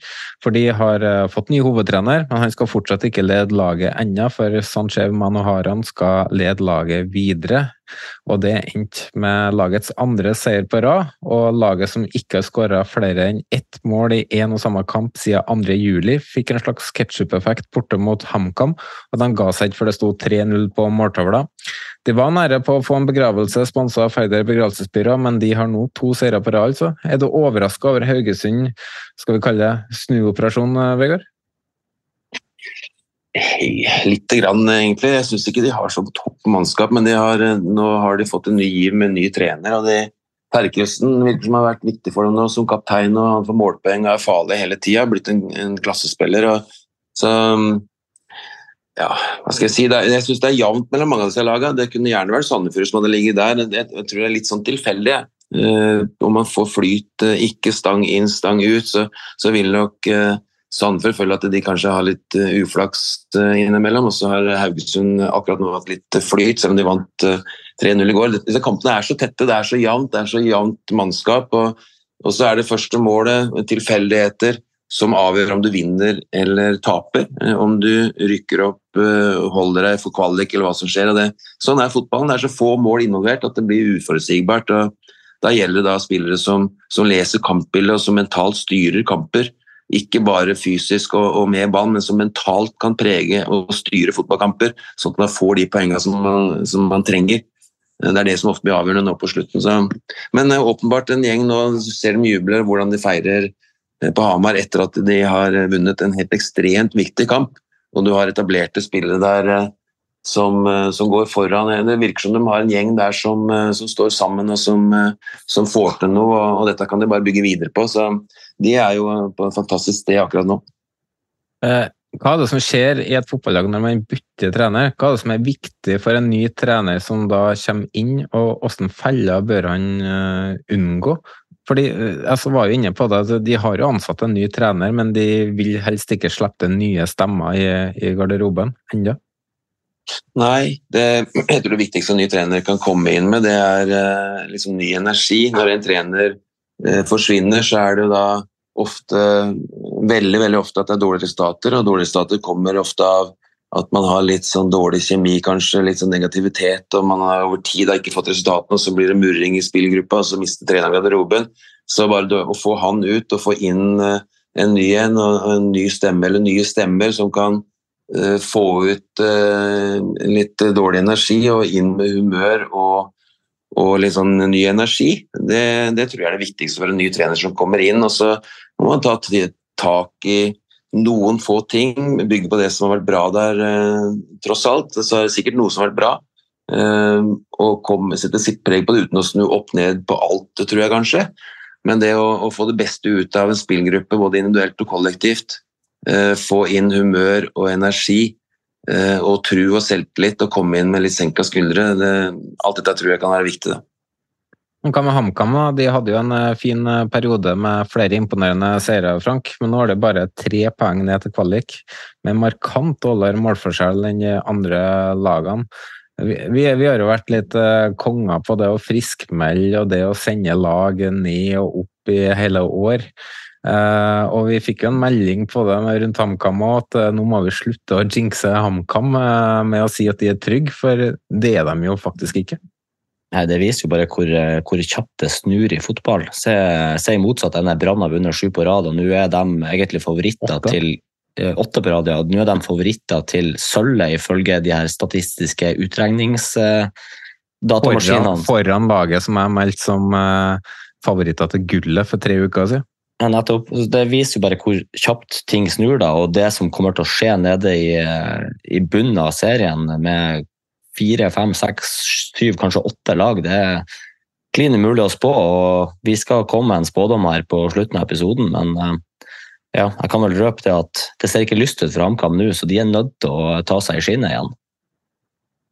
Nei, eh, det var ikke bare Haugesund av lagene i nedrykksstriden som tok tre poeng, eh, for av alle ting så har Ålesund nå to seire på rad, og det mot et lag som Tromsø borte og Sarpsborg 08 hjemme. Utrolig imponerende av Kristian Johnsens mannskap, og det tar oss videre til Ålesund. Sarpsborg. For vi hadde egentlig kommet langt i planlegginga av klubbens begravelse i samarbeid med Færder begravelsesbyrå, og vi hadde egentlig tenkt å kremere dem før sesongen var ferdigspilt, men nå har de jaggu to seire på rad, eller eh, sju poeng av ni mulige. Hvis de tar med kampen, eh, så kan de også ta med at de hadde et uavgjort resultat mot Lillestrøm for fem uker siden. Frank, hvorfor, hvordan ble det seier til hjemmelaget her? Hva er det som har skjedd i Ålesund? seieren er så enkelt som at de skåra tre og Sarpsborg skåra to, men jeg tror det er litt det er tærlig det her. De tror på at det fortsatt kan gå. Jeg, jeg, tror ikke på at det fortsatt kan gå, men spillerne har ikke gitt opp enda. Derfor litt grann marginer, litt grann flaks. Et Sarpsborg-lag som kanskje ligger litt i sånn, kall det et vakuum i ingenmannsland, der de, en seier eller en tap det betyr nesten ikke så voldsomt mye. Så Ålesund har ikke gitt opp, hvert fall. Er det, noe, det er litt kvalitet. Et par spillere som har fått lov til å bruke eh, større deler av sesongen på å spille seg varme i trøya nå. Noen unggutter som en Kristensen, eh, Karlsbakk, eh, kan sikkert nevne noen flere. Men begynner å se ut som at nå begynner nivået å komme for dem, da. Så det er jo positivt, i hvert fall for fremtida. Bjørn Martin Kristensen nevner vi må si noen ord om han. For, for med et nedrykk til Ålesund, som det etter all sannsynlighet blir, bør han være, bør ikke han være aktuelt for større oppgaver til neste år? Ja, ja og nei. Eh, han viser jo nå da at han begynner å ta nivået, som jeg sier. Men det kan godt hende at selv om at Ålesund går ned og han blir med dem ned, så kan det hende at det er sunt for han også å få en, kanskje en sesong der han får være med på en ordentlig oppsving igjen med Ålesund. For går de ned, så må de jo forvente å få favorittstempelet til å gå opp igjen. og da hvis de klarer å holde på spillerne sine og nå har de jo brukt mye unge spillere i år, kanskje for å bygge mot Obos neste år allerede. Så det kan godt hende at det å være med ned nå en sesong og få en sesong der du føler deg som kongen av, kongen av ligaen, er sunt for utviklinga til en uh, ung spiller også. Det Resultatet er jo et klart bevis på hvorfor Sarpsborg 08 ikke kjemper om medalje i år. På sine fem, uh, kamp, siste fem sine fem siste kamper har, har de uh, Sarpsborg 08 slått Tromsø 4-0, Lillestrøm 3-1 og Rosenborg 5-2. Men de spiller samtidig uavgjort mot HamKam. Er det så enkelt som at Sarpsborg tar seieren for gitt når de møter svakere motstand, eller har de en måte å spille på som gjør at de helst vil møte lag som angriper eller forsøker å styre kampene, Vegard? Jeg tror jeg, jeg har ikke satt meg nok inn i det eh, til å være sånn bastant på det, men eh, generelt da, så er eh, nivået ikke så kjempe... Det er ikke så stor forskjell på topp og bånn. Og at de driver og undervurderer HamKam og, og Ålesund og andre lag, det, det, nekter jeg å være med på. Det kan være at det sniker seg litt inn hos enkeltspillere, men at en trener gjør det utgangspunktet, det, det vil han gjøre alt han kan for å unngå. Hvert fall. Så jeg tror det er som jeg sa, det er så få mål i fotball at det plutselig så skårer det laget som og Det er jo veldig, eller forholdsvis sjelden at de som er favoritter på oddsen, vinner fotballkamper. Så, sånn er det i fotball. Um, og så kan man få en toppdag. Jeg tror man kan gi litt ekstra når man møter Rosenborg.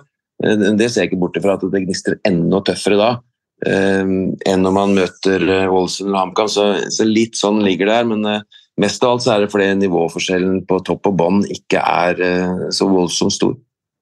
Sarpsborg ligger på sjuendeplass og har ingen muligheter til å kjempe om medalje. Ålesund er en nedrykksstrid som vi skal innom litt senere, og vi får flytte oss til to lag som heller ikke har mye å spille for i avslutning av sesongen, i hvert fall ikke nå.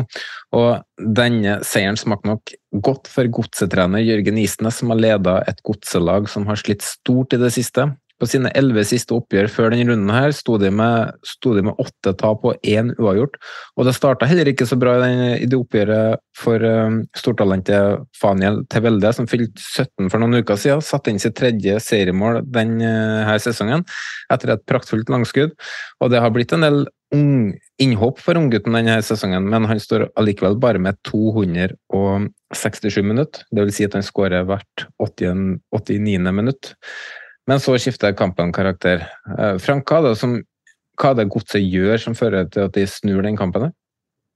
Jeg skulle ønske jeg sa at jeg hadde sett eh, kampen gjennom 90 minutter, men det har jeg ikke. Men jeg la merke til det at det var en kamp med egentlig to omganger, da, der eh, Odd var det klart beste laget i første omgang, og så snur kampen karakter da i andre omgang.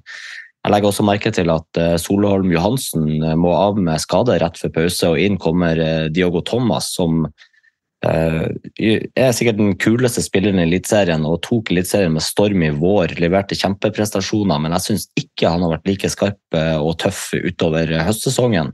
Ja, det er en grunn til at han har mista plassen på laget òg. Ja, klar, klar, svekkelse i forsvaret der. og så, ja, Det er nok eh, mer sammensatt enn det, men godset, og da spesielt Jeg ser, legger merke til han Ulland Andersen får seg et mål, og han skyter også det skuddet som blir blokkert av han Thomas og straffe. så det er jo i de to situasjonene så har jo kampen snudd. da, og så, ja, eh, Jeg hørte rykter om at det var ganske tynt på Marienlyst i kampen der. Og, så det er jo kanskje ikke den publikumsbussen som hjelper dem heller, men det er jo Jeg, vet ikke. det det, nytter med å få inn spillere som Ulland Andersen, i hvert fall i, eh, når sesongen drar seg til. hvert fall. En kar med masse erfaring og uh, har nivået i seg. Vegard, du, jo, du har jo spilt i godset i fire perioder, du sa på Wikipedia. Um, og så har du jo vært i Mjøndalen i 17 år, du bor uh, på stadion. Har du det, det, er jo litt sånn hat, uh, skal man kalle det, mellom Mjøndalen og godset, men er det det for deg? Nei, det har det aldri vært uh, i noen retning.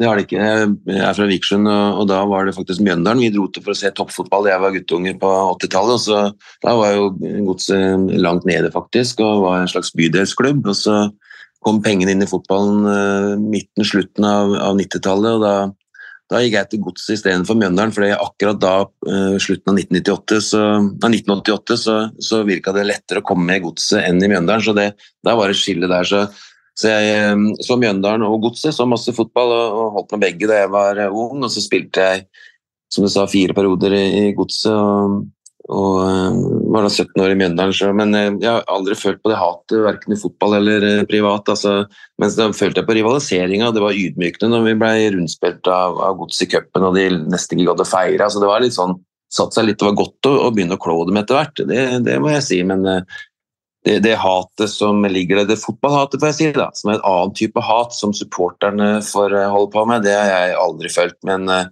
at det har vært eh, en rivalisering mellom Mjøndalen og Strømskog som jeg har følt veldig på, det kan jeg innrømme. Det var flere som frykta at Godset skulle ville rote seg ordentlig med nedrykkskampen, spesielt med tap her. Hva betyr den seieren her for Godset og Jørgen Isnes?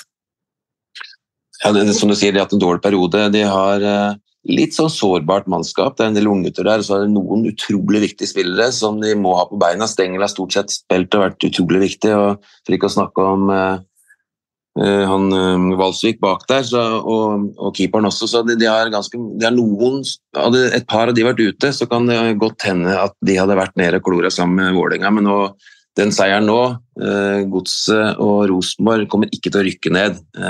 det det er jeg ganske sikker på nå. Så, så veldig veldig viktig for Isnes og, og roa i, i Drammen og godset inn mot de, de siste kampene. Jeg spådde jo før sesongen at de ville få en tøff start på den sesongen, der, men at de sakte, men sikkert ville begynne å få både gode resultater, samtidig som de ville bli vanskelig å spille mot. Så sånn har det ikke helt gått. da. Um, hva, hva, hva syns du egentlig om det Godset har prestert i år? Er det det du forventa før sesongen, eller, eller, er du litt overraska over at de ja, er nede der, hvis vi skal kalle det det? Nei, jeg er ikke sånn veldig overraska. Jeg syns ikke de har mannskap nok til å kjempe om noen medalje. Så eh, det er litt sånn som med Mjøndalen også, i divisjonen under. Begge de klubbene syns jeg eh, har levd litt sårbart. Eh, med tanke på mannskap og og kvalitet. Og så har Godset nå kommet seg på beina. Mjøndalen også, så ser det ut som begge holder seg, det er jeg glad for. Men jeg er ikke noe kjempeoverraska over at det ikke er høyere på tabellen. Jeg tror det uh, marginer Hadde de tapt mot Odd nå, så hadde de merka presset der og ligger der nede i møkka sammen med Haugesund og HamKam. Nå slipper de det. Og de tre poengene er helt uh, avgjørende, tror jeg. Så, så, det er ikke så mye som skulle til før de uh, hadde fått det veldig ubehagelig de siste ukene. Nå slipper de det.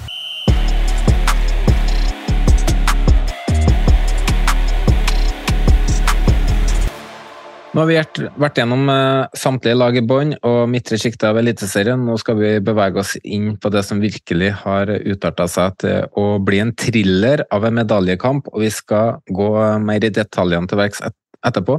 Nå skal vi spå litt utfall når vi skal spå utfallet av medaljekampen, men først må vi gjennom de to toppkampene, og vi starter med Brann Molde. For det var et bortelag som tok ledelsen etter skåringa av, eh, av, Fredrik Gulbrandsen, men så viste Brann fram sin klasse. Og det endte med 3-2-seier til bergenserne, som kanskje har fått et eh, favorittstempel, som Franco ender på når det gjelder andreplassen. Hva er det som gjør at Brann snur den kampen her, og dermed tar sin åttende strake seier som en ny klubbrekord, Frank? Eh, det er det at eh, Brann har et vanvittig godt grunnspill. De er i god flyt, de har uh, trua på det de holder på med, de er i god form i tillegg. Men etter åtte minutter eller hva det var, så burde Molde gått opp til 2-0. Det er en personlig feil valg å sentre til den ene spilleren i stedet for den andre. Da ville Eriksen stått på blank kasse, dytta inn 2-0 etter åtte minutter, og kampen kunne sett helt annerledes ut. Etter det punktet der så er det Brann hele veien, egentlig. Jeg syns de vinner fullt fortjent til slutt, men det kunne sett annerledes ut hvis det ene angrepet hadde vært utført litt mer annerledes, rett og slett. Men uh, Brann vinner fullt fortjent i Bergen, altså. Det er ved sida av uh, Glimt nå uh, det nest beste laget i Norge, ja.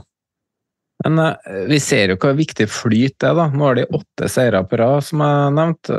Vi har Viking som hadde ti seire på rad tidligere i sesongen, som fikk det opp i gullkampen. Vi hadde Molde som vant serien i fjor på var det 17 seire de hadde på rad. da. Har du vært borti en sånn flyt, uh, medgang før, uh, Vegard?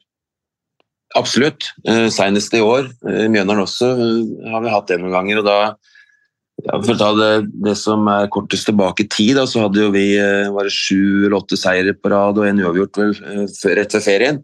Hvor vi spilte ganske like kamper som det vi gjorde etter ferien. Eh, Riktignok så var Holtan da toppskårer, eh, ble skada og, spilte halvskada på, på, slutten av, eh, av, våren og, og, hele høsten egentlig har han vært skada, så det, det, har litt å si. Slapp litt enkle mål etter hvert. Men poenget mitt er at du, du spiller jevne fotballkamper i disse divisjonene. Du møter lag som er godt forberedt, og det er tette, jevne kamper. Og så er det da sånn at når du, når du er i en flyt, så er det et eller annet som jeg ikke klarer helt å sette fingeren på, som gjør at du vinner nesten samme faen hva du gjør. For det er altså, litt, når, du, når du slipper inn 1-0, da, så føler du allikevel ja ja, det her snur vi. Er ikke det litt ja. sånn, da? Jo, det er en sånn go, du merker det på gruppa, du merker det på klubben, på supporter. Det er en selvtillit som brer seg både på tribunene, på benken og på banen, og innbyttere som kommer inn. Så jeg, dette, her, dette går sikkert igjen. En eller annen måte så kommer vi til å vinne på om vi får en straffe eller den får en utvisning, vi skårer på dødball, eller vi noen ganger spilte god fotball.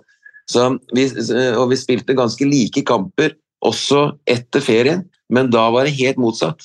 Vi tapte første kamp mot Raufoss. Og alle de kampene før ferien mer eller mindre kunne vi gå tapt. Alle disse kampene etter ferien kunne vi fort vinne. Men du klarer altså ikke nok. Eh, for da er det de prosentene som da eh, når det er flyt, vipper kamper i din favør, og så er det samme noen få prosentene som vipper kamper i vår disfavør når ting ikke flyter. Så der er fotballen rar. Også. Det er, eh, og det der å komme ut av. Sett fra, sett fra dine trenerøyne, da. Nå har jo du vært litt opptatt med Obos-fotball i år, men jeg regner med du har sett litt av Brann. Hva er det Brann gjør som gjør at de Stort sett alle motstandere sliter når de møter Brann. Vi så jo i juli, når de mista et par sentrale spillere, at de, var, de ble plutselig veldig sårbare. Og så eh, fikk de et, i august erstatta de, og, og, så plutselig ut som et bra fotballag igjen.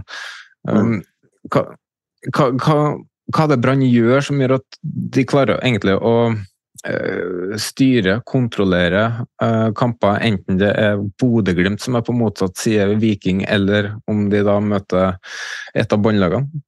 Ja, det, altså de er det laget i Norge som er nærmest Glimt både i måten å spille på i kvalitet.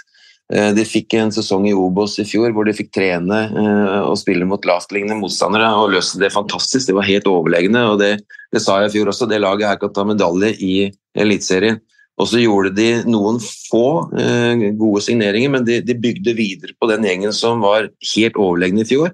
Fortsatt å bygge selvtillit. 4-3 er en måte å spille på hvor det er veldig reine linjer. Du veit godt hva du skal gjøre. Um, og de har spillere som forstår den formasjonen, uh, og som har fått selvtillit gjennom et opprykk og en god start og en god sesong i Eliteserien. Og så har de spisskompetanse. De har eh, det jeg snakker om med Glimt og de, de kantene og målskårerne, spillere som avgjør jevne kamper. og som Du kan gi dem ballen, og så veit du det skjer et eller annet bra. Eh, de er ballsikre, de har Helten Nilsen på midten der eh, som er viktig. De er, de er en solid keeper. altså de er, de er kombinasjon av solide, robuste, nok duellkraft, og så har de ferdigheter og en veldig tydelig spillestil som alle forstår veldig lett, og som, hvor spillerne passer inn. Og det har fått gjort det over tid, og da blir man så god. Og det som er, De har en eh, tydelig spillestil, som du sier, men de er bedre på å spille sin spillestil enn motstanderen er på å forsvare seg mot den spillestilen. De er rett og slett blitt så gode og så drilla sammen at da, da slår du laget uansett om motstander vet hva du kommer med. Så, og I tillegg så er Brann et ekkelt lag i forhold til intensitet og høyt press, ikke minst. så det, De som prøver å spille seg ut mot Brann når de virkelig trykker til, de blir straffa. For det jeg føler er X-faktoren til Brann. Ja. Det er intensiteten. At du, du, får aldri fred når du har ball når du møter Brann. Enten det de, Brann ligger i lavt press eller om de er i høyt press, så får de aldri tid, aldri rom. Og de henger over deg med en gang. De har elleve spillere som minner litt om Liverpool da, på sitt beste under Klopp. at Uh, I stedet for å kikke så mye over skuldra si og hva som skjer bak, så går de i press. De ser fram og tenker at han bak meg, han fikser opp. Uh, men, uh, men, er de Altså, det er jo et kollektiv der. Men i mine øyne, da, hvis Sivert Heltene Nilsen skal bli langtidsskada, hvor avhengig er det av han etter måten de spiller fotball på, Vegard? Ja, alle lag som, som spiller 4-3, har noen helt avgjørende Eh, plasser. Eh, keeperen gjelder for alle lag, men ankeret i eh, en sånn formasjon det er et veldig sårbart punkt. For han styrer veldig mye, ikke bare defensivt og det å holde lag kompakt og samla og, og, og, være sånn solide sånn sett, men, men, kanskje mest av alt det å, å styre spillet offensivt. For det, de gode lagene som Brann og, og, Glimt de spiller lag lave, og da er det stopperne og ankeret som er den som styrer mye av pasningsspillet, og der er, er Patrick Berg fantastisk. Det som er problemet, er at det er nesten sånn på keeperplassen at du, du får ikke en klassespiller til å komme til Glimt som er god nok som anker, for han veit at han blir innbytter. Um, og du, når du er veldig god som anker, så er du sannsynligvis ikke god nok som innerløper. Vil si at du bare eh, konkurrerer med Patrick Berg, og Da er det vanskelig å få den spilleren dit. Da må du betale voldsomme penger. Allikevel er det ikke sikkert at han, kanskje han spilleren har vært så god at han har penger nok, så gidder han ikke. for han vet at den konkurransen er for hard. Da går du til et lag litt lavere på tabellen for at du blir satsa på i den posisjonen hvor du får fram ditt beste. Så, så det er utfordringa når du spiller en 4-4-2, så har du alltid flere muligheter eh, i to seksere enn bare én. Så, så Derfor blir den posisjonen så utrolig sårbar. Samme som oss eh, på Kongsvinger, vi fikk ikke noe anker der til å Nå var heldigvis Harald Holter eh, stort sett frisk, og, og vi opplevde akkurat det samme. Og det å hente en, Da blir det sånn så Hvis Harald blir skada, hvis Helten Nilsen blir skada, hvis Patrick Berg blir skada, så blir det en løsning som sannsynligvis ikke er god nok over tid. og Det er det som gjør det sårbart med den formasjonen. Så er jo Rosenborg òg nå i helga, når de måtte jo legge om til to seksere for å få kontroll på den kampen. fordi at han eh, Selnes eh, sleit jo når han var alene, alene anker med å dekke de store rommene som er eh, bak mm. indreløperne til Rosenborg. så det du så, du, så, jo hva det gjorde med stopperne. med å få en, altså, alt, Det meste handler om sentrallinje i fotball. Ja. At uh, Når Selnes står alene, så ser plutselig midtstopperne til Rosenborg ut til å være fisk på land. Ja. Uh, så får de to stødige med Børke som kommer inn der, så ser plutselig stopperne til Rosenborg langt bedre ut, sjøl om Yttergård Jensen gikk av for, uh, for Seid. Men poenget mitt var det at det å erstatte et godt anker er nesten umulig. Så den rollen ja, da, som, som, som, du spurte, meg, spurte, oss om her da med Sivert Helte Nilsen, da er han kanskje den spilleren som er uerstattelig i Brann. Det tar meg egentlig videre over til Molde, da. For, uh, for å miste viktige spillere i sentrallinja er jo alltid hardt. Og det er jo nettopp det som skjedde for Molde i sommer, når de mista mannsverk til Ajax. Er det så enkelt som å si at det er grunnen til at Molde er så ustabil som de er akkurat nå, uh, nå Vegard? Nei, det tror jeg ikke. Mannsverk var fantastisk, men de har andre gode spillere der. Så, og Molde er jo pragmatiske egentlig litt sånn i måten å spille på. Nå, nå har de brukt samme formasjon lenge, men de har bytta mye på, på mannskap og sånn. og Har ikke hatt et eh, klassisk anker. så eh, Det er klart at du, du savner en sånn spiller. Eh, når du mister eh, de beste, så, så, tar det gjerne litt tid å fylle det hullet. Så, så liten påvirkning har det. Men eh, det er nok eh, andre ting også som spiller inn. De, de spiller disse europacupkampene, de også. da, så de, de, har jo nå ti kamper igjen de, i forhold til de andre som bare har fem. så så det er litt sånne ting også. Så er det kanskje enda kulere å møte Hekken og disse lagene enn å, enn å spille disse eliteseriekampene som de gjør en eller to ganger i uka. Så litt sånn tror jeg det kanskje kan være. Men eh, ja, de savner mannsverk, men eh, de har nok eh, ja, jammen brei nok stall da, kunne demme opp for det. Burde ha, i hvert fall. Og Vi flytter oss til rundens hovedkamp, rundens siste kamp, som også viste seg å bli rundens desidert morsomste oppgjør. Eller i hvert fall andreomgangen. For med 0-0 til pause så var det få som trodde at det skulle ende med sju skåringer. Uh, vi, kan egentlig ta et, lite bilde fra førsteomgangen. Uh, for Vi trenger ikke å snakke så mye om den, men det var én ting. og Det er straffesparket og pauseintervjuet med Samuel Adegbenro. Var det straffespark, Vegard? Det var i hvert fall ikke gult kort for filming. Jeg, jeg syns det er straffespark. Han, han, eh, hjelper til litt. Men at det skal bli gult kort altså jeg, I ettertid så ville jeg gitt straffe på han, Uh, ja, for, samme her. Fordi du, du, gir jo når du, når du gjør det der som forsvarer og du tar leggen hans, så må du nesten forvente at han går i bakken. og det, Da syns jeg stopperen allerede har eh, eller forsvareren har gjort en feil. Så det å si ja takk til en, en straffe som blir gitt med et kakk på foten, det har jeg ingenting imot. Og det var ikke noe skuespill i min uh, bok. altså det var... Uh, og at han klarte å være, Han var sinna da det skjedde, men at han klarte å si det han sa i, i pauseintervjuet, det var det, det, var tilgivelse til Gud også for reaksjonen. Det kan ikke være noe annet. Han er jo veldig religiøs, så det var min første tanke. Men jeg syns ikke han detter så lett som det skal ha det til, fordi han tar jo en finte og drar med seg ballen utover der med, med yttersida. Og da er foten der i lufta, så den blir jo på en måte sparka tilbake igjen når han skal sette neste steg. Og da har du jo tyngdeoverføringa de såpass at du har jo ikke sjanse til å holde, eh, holde, på, holde balansen, da, spør du meg.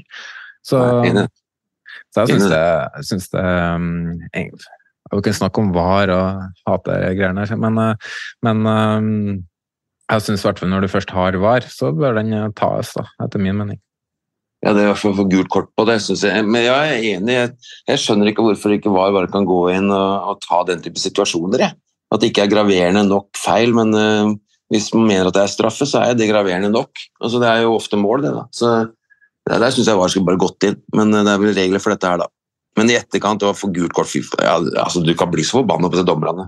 Vi skal ikke begynne den diskusjonen, men det er, det er, det er ganske provoserende med disse dommerne innimellom. Så det kan jeg bare love deg. Vi hadde akkurat eh, Terje Hauge som eh, gjest, eh, hvor det ble litt diskusjon om det med dommernivået. Um, ja, jeg har ikke lyst til å si så mer, mye mer om det heller. Uh, vi kan egentlig gå videre til andreomgangen. Um, kan ikke ta oss gjennom det som skjer her, Vegard? Jo, det var, altså det var en helt utrolig kamp. Jeg må bare si at Tromsø er utrolig gode. Rekrutteringen der også. Eh, hvordan de har henta spillere fra mye lavere nivå, og de blomstrer ganske fort. Eh, ofte angripere som de henter fra Østlandet, som de har eh, forsikra der oppe. så jeg syns det er artig å se på dem, hvordan de håndterer ballen hvordan de spiller offensivt og kommer til målsjanser og spiller med selvtillit. Så jeg syns Tromsø er De fortjener å være der oppe. Og de tok jo ledelsen da med, med to flotte skåringer og, og, så veldig robuste og solide ut. Men så er jo Eh, Viking på hjemmebane de, de har vært uh, utrolig gode utover i, i kampene. og Det er liksom selvforsterkende profeti. Da, at de, de, leder jo aldri til pause, men så kommer de i andre gangen. og Det, det visste jo Viking eh, helt sikkert, og det visste sikkert Tromsø også. Og Så kommer da uh, 1-2, og så tror jeg Tromsø merka litt på trøkket. Så ble det 2-2, 3-2. Men det mest imponerende da er at Tromsø da har kvalitet og mentalitet til å snu det en gang til. Ikke bare å få 3-3, men å gå for seieren. Og så skjønner jeg det litt, fordi de, de har ikke all verden å, å tape. De, for å kunne kjempe om en, en annen plass, så, så, var de egentlig nødt til å slå Viking. Eh, og det å gå fram der, og måten de spilte seg fram til den siste målsjansen, som Paintsel da rapp inn på, på nærmeste der altså det er, det er ikke så ofte du opplever det der i fotballen. Det er ikke så ofte du som fotballspiller og som menneske opplever den type glede. Men når du ser feiringa der på bortebanen der, og så viktig kamp, og, du, og en sånn eh, berg-og-dal-bane av match, og du avgjør på overtid, vinner 4-3 og plutselig er på skuddhold for å få eh, annenplassen i, i serien. Altså det, det, det skjer en to-tre ganger i løpet av en karriere, og det, der, det så utrolig gøy ut. Og det var så jeg holdt å si, fortjent, det var en jevn kamp, men, men motet de viste, som ga dem den seieren, det hyller jeg etter min mening kanskje årets prestasjon det Tromsø gjør her. Ikke kampen i helhet, men det at du leder 2-0, og så mister du det. Du mister alt du har til 2-3, eller 3-2, da. Før det, jeg husker ikke mange minutter, var det kanskje fem minutter igjen. Og så klarer de å snu det igjen. Altså Den mentale styrken de viser der som lag og kollektiv, det er sjelden man ser i fotball. Jeg var, jo, jeg, var, jeg var, inne på det med at eh, Glimt eh, fikk nerver mot eh, Sandefjord. Jeg tror det var to lag som fikk nerver i Stavanger utover andreomgangen. For når Tromsø leda 2-0, så slutta de å spille fotball. De er ikke til å kjenne igjen plutselig. Viking skåra, Viking skåra, Viking leda. Og så begynte Tromsø å spille fotball igjen. Og hva er det Viking holder på med da i slutten? De blir jo pissredd for den ledelsen de har fått og så snur Tromsø det på nytt. og de, Det gir oss jo den villeste avslutninga på en fotballkamp vi har hatt eh, så langt i år, vil jeg tro. Så altså, For en som sitter og bare ser på det, så er jo en nytelse. Det er jo dritskøy, men ja. Jeg må bare si én ting til i skryten av, av Tromsø. Du har jo uh, Knutsen og trenerteamet i Bodø som er helt utrolig flinke til å utvikle enkeltspillere og individer. Men så syns jeg jammen Tromsø er god på det òg. For den utviklinga du ser da og Det synes jeg de to klubbene skiller seg ut eh, sammen med Brann, kanskje. Da, til å, og Viking har vært gode nå. Så det, de trenerne som klarer å få utvikling på, på spillere som kommer fra Kjelsås og, og andredivisjon og, og fra Lavern Skeid og dette her, og hvor utrolig gode de blir på ganske kort tid. Eh, en del spillelogistikken, og så var det ikke Napoleon Romsås det, det, det, det var ikke bare Tromsø som ville ha han. Nordås også, alle visste at han var god. Paintsill, litt mer ubeskrevet blad. Men de, de, henter dem, og de legger nok kanskje i potten til å få den type spillere. Det er dems segment, eh, og de får dem opp til Tromsø. Der er det litt annet miljø enn de er vant til fra, fra Oslo, kanskje, der de kommer fra. Men jammen blir de gode. Vegard, Vegard Erlend, da? Han har jo du vært med og møtt flere ganger. Han har vært nede i Obos, han har spilt for Fjæra, bare et par steinkast fra Trondheim. Og ikke blitt hva med selvtillit og Jeg vet ikke hva de gjør. Altså, det er, det er, det er... Ja, jeg, tenkte å, jeg, tenkte å, spørre deg om det. Nå, som, nå har jo du litt fritid, eh, fritid foran deg. Du har ikke vurdert å ta en tur opp til Tromsø og fulgt en Gaute og teamet fra, på nært hold?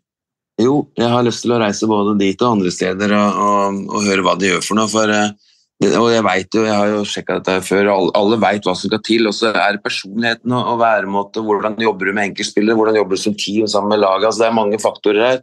Eh, og så er det ikke alle steder greit. Altså, det var ikke så bra på Hamar, f.eks. Altså, men så har han nå funnet en måte, kanskje et team, en spillergruppe nå, et segment som jeg sa, med, med å hente den type spillere som passer han og dem. Da. Men han er i hvert fall utrolig god nå, og Tromsø til å få det beste ut av, av de spillerne. Så jeg synes de er så gode. De er blitt mye mye bedre enn det den var. Så den, den får gode talenter, og så får de brukt fysikken sin. og det er, Nei, de er, de er gode. Det er, um, skal bli spennende å høre hva Gaute driver med der oppe, hvis jeg får lov til å komme. Gaute har vært med oss eh, to ganger, og han snakker jo om team, team og team. Det er aldri mm. han eller jeg eller eh, du eller han, det er alltid vi. Og det, ja. Det er, nok, det, er en, det er, en, som sitter på toppen, altså en trener med suksess. Vil, det er ikke noe vanskelig for han å snakke om teamet. Mm. Så det er, jeg tror nok han skal ha sin del av æren, da, men det er helt sikkert uh, flere der oppe som hjelper til. Og, men det er nå en gang en sjef som, uh, som tar ut lag og bestemmer hvis det er dissens om noe. Det, så jeg tror nok han skal ha sin del av æren. Og får teamet til å fungere sammen. Ja, ikke sant. Og, men det er klart, jeg vil si én ting. Og det, det er helt, helt utrolig. Nei, jeg skal ikke si noe mer. Nå er jeg, kom, kom med det. så forbanna, så jeg ser rett ut. Vi eh, sier oss ferdig med runden der, i hvert fall kamp for kamp, og så kan vi gå gjennom litt rundens pluss og minus. Frank, hva har du som rundens pluss?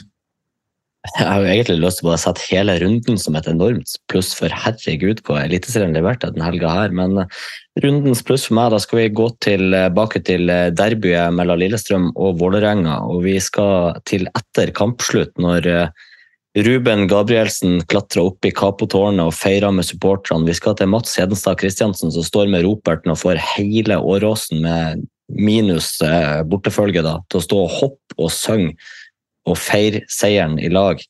Jeg elsker den, den der kalde koblinga spillerne og supporterne har der, og den nærheten. Det er mer av det i norsk fotball. og Spillere i andre klubber må tørre å gjøre det samme, for vi som supportere elsker det. og Det er sånn du blir en kulthelt og en altså, Du får det her du kan, du kan, være en middels fotballspiller, men du får legendestatus for en supporter med å være den type spiller som tar koblinga supporter-spiller så tett.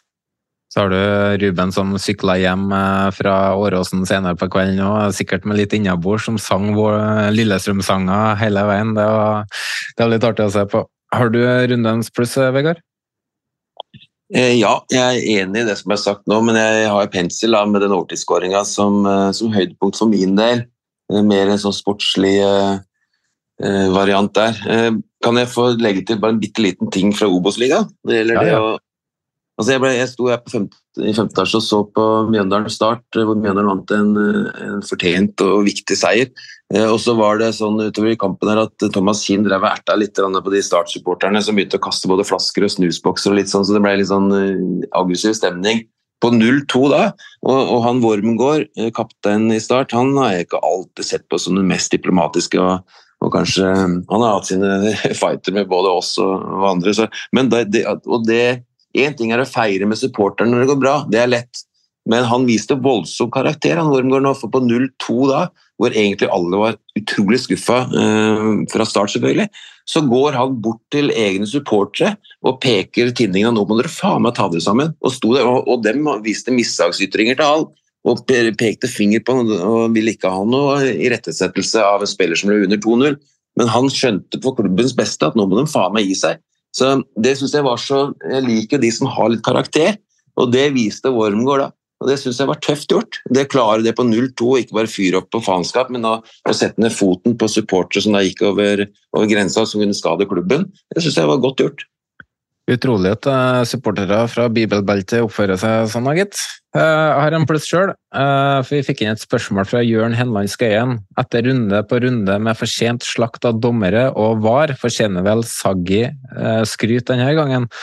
Og der er jeg enig med Jørn, for gud bedre hvor mye vi har slakta dommere i år. Men her er det faktisk på plass å gi Saggi skryt etter derbyet mellom Lillestrøm og Vålerenga. For hvis en, bom, hvis en, dommer bommer på inngangen og linjene setter i en sånn kamp, så kan han potensielt sett ødelegge kampen, og det har vi sett mange ganger. Men her legger han seg på en perfekt linje og gjør at begge lagene får lov til å være tøff, samtidig som, eh, som det er en grense der. I tillegg så viser han eh, at han er konsekvent og har godt humør og godt lederskap. Ja, Kan jeg få si noe i den forbindelse? Ja. Eh, det jeg likte aller best med dømminga hans, og det har jeg savna eh, blant dårlige dommere hvis du, hvis du, er dårlig til å dømme, så er du veldig rigid på regler. Eh, det må være lov, som faren min sier når mora mi spiller dårlig kortspill, at det må være lov å bruke huet. Eh, og det syns jeg Hassan Saggi gjorde, for det han gjorde tidlig i kampen, så var det en masseansamling av spillere. Men istedenfor å begynne å vifte med kortet da, så det, kan, ja, ja, det er et lokaloppgjør, det er temperatur, dette lar jeg gå. Ehm, så håper jeg at sensoren ikke er så rigid at han gir en reprimande for det, for det syns jeg var utrolig godt løst. Ehm, han la lista der og ga blaffen i de reglene som egentlig ligger der. Så skjønner jeg at du må ha regler, men det går an å bruke sunn fornuft kombinert med regelverket. Da, da syns jeg dommeren blir god, og det var han nå. Jeg, jeg støtter den. Jeg støtter den. Det er kampledelse til terningkast seks, det han Saggi leverer i denne kampen der, og den er så viktig å treffe på, så det er ingenting å utsette på måten han eh, dømmer den kampen. Hadde du satsa penger på at vi skal sitte og skryte av dommeren etter det oppgjøret her før runden, da hadde du blitt rik, tror jeg. Eh, Frank, rundens minus, da? Oh, rundens minus. Jeg må dessverre gå til TV 2 denne gangen. Nå er ikke jeg for vane å se så voldsomt mange TV-sendinger, altså fotballekstrasendinger, da jeg stort sett liker å være på stadion og se kamper både hjemme og borte. Men nå hadde vi omsider lørdagskamp eh, sjøl, så jeg fikk eh, sett eh, hjemme på søndag og skulle nyte fotball hele dagen. og Da var det jo først derby, og så var det jo storkamper på kvelden. Men midt på dagen, i stedet for å bare sette på en eller annen kamp, så satt jeg og skulle se fotballekstra. og ikke noe å si på de i studio. Faglig dyktig, kjempeflinke folk, informativ, har peiling. De, de gjør alt rett, de. Men det går ti minutter ut i andre omgang før sendinga starter. Det er reklame frem til ti minutter ut i andre omgang uh, før, de, før, de, setter i gang igjen. Uh, jeg satt liksom bare med den følelsen da, hvorfor i helsike ser jeg ikke bare på en kamp i stedet for å sitte og se på denne her? Det, så slakta går rett og slett til TV 2, og tipset mitt går til de som er i samme situasjon som meg de siste fem rundene. Se en kamp i stedet, for det er ikke verdt å sitte og se på reklame når du skal se fotball. Så heldigvis skal jeg på stadion de fem siste kampene. Har du rundens minus òg, Vegard? Ja, det, det, akkurat det samme gjorde de faktisk når det gjaldt Obos-runden. da. Det gikk ti minutter annen gangen før de viste noe annet enn reklame. Det er merkelig at de tør å holde på sånn, for da er det ikke sikkert folk gidder å se på det lenger. Så det er jeg enig i. Eh, må nesten ha med Vålerenga i loopen her på det negative. da Jeg syns det var uh, veldig tynn suppe. Uh, men det er jo snakka nok om. Jeg tror jeg, jeg, jeg syns Én ting er å tape, men når du er sur taper, det er, og det har jeg vært mange ganger sjøl også, det, det, er ikke noe sjarmerende. Så jeg synes når, når da Gjesten Mathisen sitter der og, og, sier at det er eh, pinlig svakt av Rosenborg Jo, det er det. Det er akkurat det det er. De er på tiendeplass. De har uh, spilt 25 kamper og har 30 poeng. Rosenborg, som er den største klubben i landet. Og så har du da spillere da som blir intervjua som blir åpenbart furtne fordi de får litt kjeft. Altså, Da må du bare strekke hendene i været og si at beklager, vi er helt ræva i arbeid. Skal gjøre så godt vi kan og komme gjennom det her uten å slite oss helt ut i bånn der. Og så tror jeg det går bra. Neste år skal vi bli bedre. Men jeg er helt enig. Vi er helt ræva. Og vi har svitta eh, Rosenborg, eh, Trondheim og alt. Vi fortjener all kjeften vi skal få. Isteden velger de da altså en sånn liksom furten variant. Eh, det må de slutte med. For da får du ikke noen supportere ikke en meter utenfor Trondheim. Jeg sikter Vegard til Ole Sæter sitt intervju, og der er jeg helt enig med Vegard. Det er Eh, når du får, eh, får ordentlig krasse tilbakemeldinger fra ekspertene eller media etter eh, sesongen og, og det opp, kampen Rosenborg viser på, på søndag, så må du bare ta det til deg. Altså. Det er ikke noe å begynne å furte over. Jeg skal òg gi min rundens minus til furting, og jeg gir den til Snorre. Han har vært eh, fin hele år. Han greier å balansere bra med å være Vålerenga-patriot, samtidig som han er med i podkasten her, hvor vi skal forsøke å dekke 16 lag. Men han går rett inn i sutremodus. Mente at det ikke var Lillestrøm som var god, men det var Vålerenga som var svak. Han kritiserer Lillestrøm sin fantastiske TIFO, både den som var før match og den som var der når lagene gikk til pause. Han kritiserer hjemmefansen for ikke å lage lyd. Snorre sto jo ved bortefansen, selvsagt så sliter han med å høre hjemmefansen da. Fra TV-stua så hørte jeg jeg har hørt hjemmefansen. Kanskje var det 60-40 favør av Vålerenga, men dog, det ble ikke delt ut noen poeng på det. Men allikevel så syns jeg det er to fantastiske supportergrupperinger som fortjener all honnør for den rammen som blir servert på søndag. Dette er norsk fotball på sitt aller beste. Og en ting til. Under derbyspesialen så ba jeg Christian Borchgrevink om å springe bort til Arskan for kamp og ta fra han telefonen. Det gjorde han beviselig ikke. Um, før vi går videre, så skal vi se litt på rundens lag, Frank. Ja, jeg måtte jo gjøre det her alene denne gangen. Som du nevner, Snorre og Arskan de var 14 etter å ha tapt derbykampen. Og du var opptatt med andre ting, så jeg satt med ei liste med egentlig, jeg tror jeg hadde plukka ut en 25 mann eller noe, som jeg har koka ned til en elver pluss innbyttere. Så i mål kjører vi Tangvik fra Rosenborg. Vi har eh, Sexy Larsen fra Brann, Gabrielsen og Roseth fra Lillestrøm. Vesterlund fra Tromsø, Terkelsen fra Haugesund, Kartum fra Brann, Karlsbakk fra Ålesund, Pellegrino fra Bodø-Glimt, Erlien fra Tromsø og Sødlund fra Haugesund på laget. På benken har vi Selvik fra Haugesund, Garnås fra Lillestrøm, Grønbæk fra Glimt, Alsæd fra Sandefjord, Torp fra Sarpsborg, Christensen fra Ålesund og Ulland Andersen fra Godset. Eh, tre, tre, stjerner går til Kartum, to stjerner til Gabrielsen og ei stjerne til Pellegrino. Kult. Da tenker jeg vi kan eh, gå over til litt spådommer. Skal gjøre det litt raskt her nå, for tida begynner å gå fra oss. Men i dag eh, tidlig så sendte jeg hjemmeleksa til Vegard og Frank, hvor vi skulle spå litt utfall i topp og i bånn. Um, da vi tar for oss i hvert fall topp fem og bunn åtte. Vi kan jo starte med medaljekampen, uh, Vegard. Vi skal gå gjennom kamp for kamp her og regne ut hvor mange poeng vi tror hvert lag uh, ender opp med. Hvordan um, ender um, topp fem uh, for deg? Glimt vinner. De får ti poeng til etter mine beregninger, så det ender på 68. Uh, så kommer Brann til å krabbe forbi Viking på målforskjell. Ja, 62 poeng på begge. Så de, de tar godt med poeng begge lagene, men Brann da havner på annenplass med Viking på tredje. Eh, Tromsø må nøye seg med, med fjerde, ender på 59. Og så er det for langt opp for Molde, og de, eh, de jeg tror de resignerer ganske fort nå og kommer til å satse på Europacupen, så de, de kom på femteplass med sin 53, har jeg kalkulert med. Jeg likte deg, Frank. Eh, ja, rekkefølgen er helt lik. Poengsummen er litt, grann, litt grann små endringer på. Jeg har Glimt som seriemester med 69 poeng. Eh, Brann på andreplass med 64, Viking på tredje med 61, Tromsø på fjerde med 59 og Molde på femte med 55. Jeg har eh, kanskje enda flere poeng enn dere på samtlige lag bortsett fra Glimt, tipper Eh, For jeg tror de fleste topplagene eh, vil fortsette uh, å vinne kamper utover her. Jeg tror Glimt ender med 68. Jeg tror Viking ender med Nei, Brann på andreplass med 66. Viking på tredje med 65. Og så tror jeg Tromsø tar fjerdeplassen med 63, som ikke gir Europacup fordi Molde vinner cupen. Og så ender Molde opp med 56 poeng. Men eh, vi kan ta det som ser jevnest ut, da. Båndkampen. Vi trenger kanskje ikke ta alle åtte lag, men hvordan ser bånd ut for deg, Vegard? Hvordan to lag er jeg, jeg, så dere hadde lagd eh, en eh, oversikt der med Rosenborg og Strømskos i loopen. De fjerna jeg, for de kommer ikke til å havne nede der. Så jeg har ikke tatt med dem med. Mm. Um, det, det, det gjorde ikke jeg heller.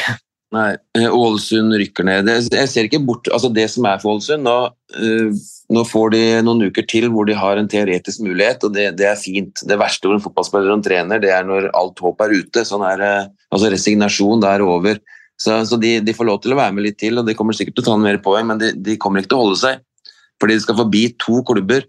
Eh, Sandefjord kan hende de kan ta, eh, men Stabæk eh, har vunnet fotballkamper. Vålerenga kommer til å ta poeng. Det vil si at de, og opp til HamKam så er det ni poeng. Så det går ikke. Jeg har at de ender på et par og tjue poeng og rykker ned.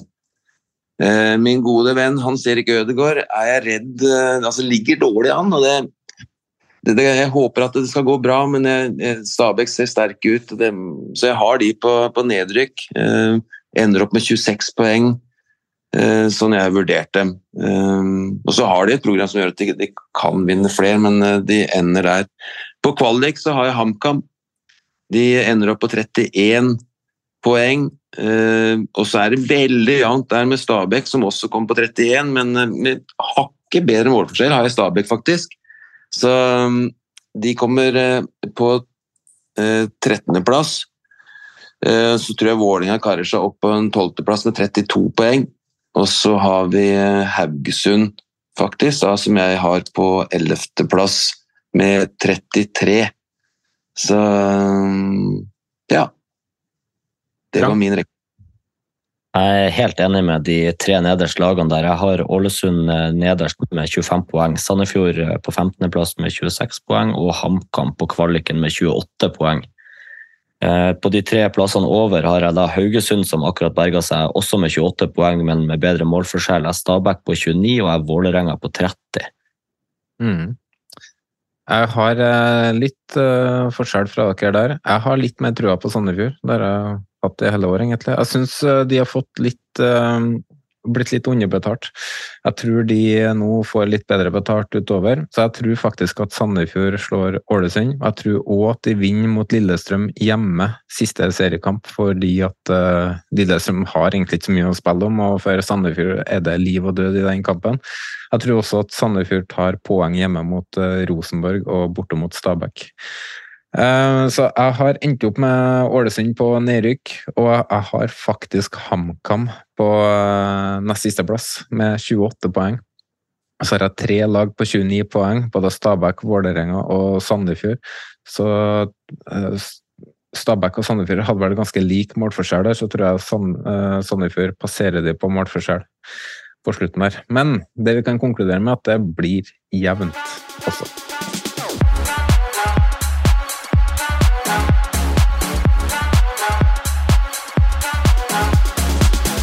Da har vi gått gjennom eh, spådommene. Eh, da kan vi kanskje ta noen lytterspørsmål. For vi har fått inn en del, og vi måtte filtre ut ganske mye, faktisk. Både på Instagram og, og Twitter. Kan ikke du ta spørsmålene, Frank? Jo da, det kan jeg godt. Skal vi se, Jan Godfrey spør oss, og det her er litt i lys av TIFO-showet på Åråsen. Han spør Vegard, hva er den verste TIFO-en slash beskjeden du har fått fra fans? Mm.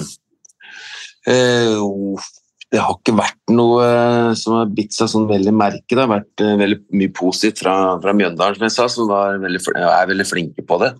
Noe sånn veldig hets kan jeg ikke huske at jeg eller vi har egentlig fått. Det har vel vært en sang eller to fra, fra Godset-supportere innimellom når vi har møtt dem, men det er ikke noe som har bitt seg sånn veldig merke i, i meg, altså. Det må jeg bare si. Du kunne kanskje heller fått en hyllest-TIFO fra Mjøndalen-fansen, eller? Det fikk jeg jo faktisk. Da jeg fikk sparken her, så var det jo voldsomt med, med TIFO-er, og, og, det var utrolig rørende med både bannere og, og, og TIFO og alt mulig rart. Jeg fikk, eh, fikk både flasker og, og, gavekort og alt, så det var veldig, veldig hyggelig. Så det, det har jeg fått. Til slutt så spør han eh, hvor lang tid tar det før Mjøndalen er tilbake i Eliteserien. Og så legger han inn en reklamekommentar for oss. Eller skal vi la Færder begravelsesbegrave eh, begrave det håpet? Ja, det, var eh, det, det Vi, vi mista litt kontrollen økonomisk i fjor og endte opp med, med for mange millioner underskudd. Så det, det er et etterslep der som gjør at man sparer veldig. Og så har vi, eller Mjøndalen har fått fram en gullkar nå med Sondre Granås, som er et helt eksepsjonelt talent. Det er vel salg av Lien også, men, eh, men, hvis det ikke skjer noe eh, bank i bordet, noe skade på Sondre Grano, så, så, kommer det til å være en som gir millioner i kassa. Eh, men vi må nok vente på det. Det er ikke midler til å ha en brei nok tropp og, og gode nok spillere, kanskje. Det er, det er, gode spillere nå også, men, men det, det er, jeg ser ikke for meg at det blir et opprykkslag allerede neste år. Så det må, må selges. Eh, og så må det brukes eh, og forvaltes eh, bra. Så, så, kan det skje selvfølgelig i løpet av noen år igjen, men det lukter ikke eliteserie neste år allerede. i hvert fall. Det tar nok litt lengre tid. Er et par klubber i nord som ser på talentene i Obos, vet du, så Ja, jeg er klar over det.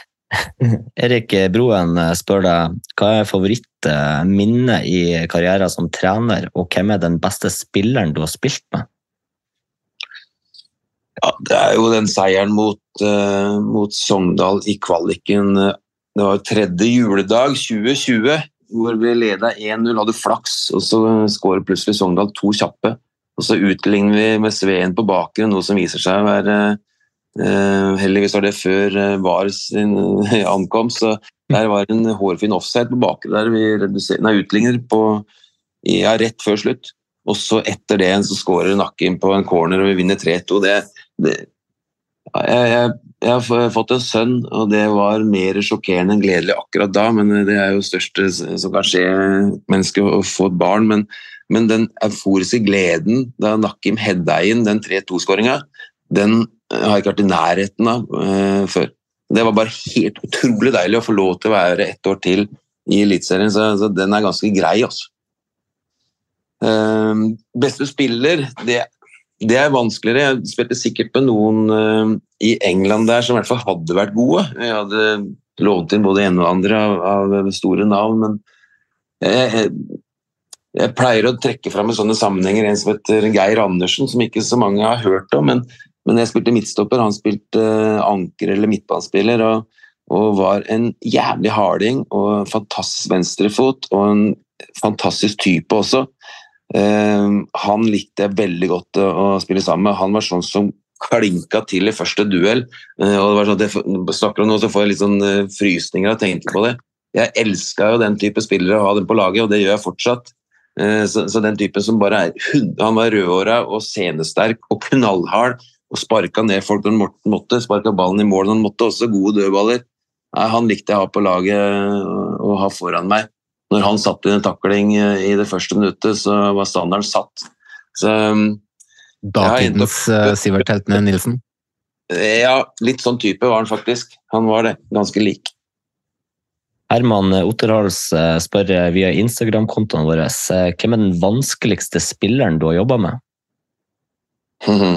Det kan hende at navnet hans kommer i et annet spørsmål der. Ja Nei, det var jo det spillere som er litt sånn egenrådige og som plutselig bare går av treninger og sånn. Jeg hadde Tim Nilsen, jeg tror han tåler det. Han, det var ikke alltid jeg var like begeistra for oppførselen hans. Og så var Jeg så dum, jeg, jeg, hadde ikke de pedagogiske evnene som åpenbart Knutsen har. Da. så jeg fikk jo ikke, Selv om Pellegrino var helt fantastisk til å skåre mål, særlig den ene sesongen, og fikk jo en helt utrolig karriere under han alt godt, men jeg var ikke den beste lederen for han. Um, satt, var så dum at jeg satte den ut uh, innimellom òg, fordi han ikke var god nok defensivt, etter min mening. Så, så det, for, for, meg så opplevde jeg han som uh, litt vanskelig innimellom, fordi han var så utrolig god offensivt. Da fikk jeg han ikke helt til defensivt.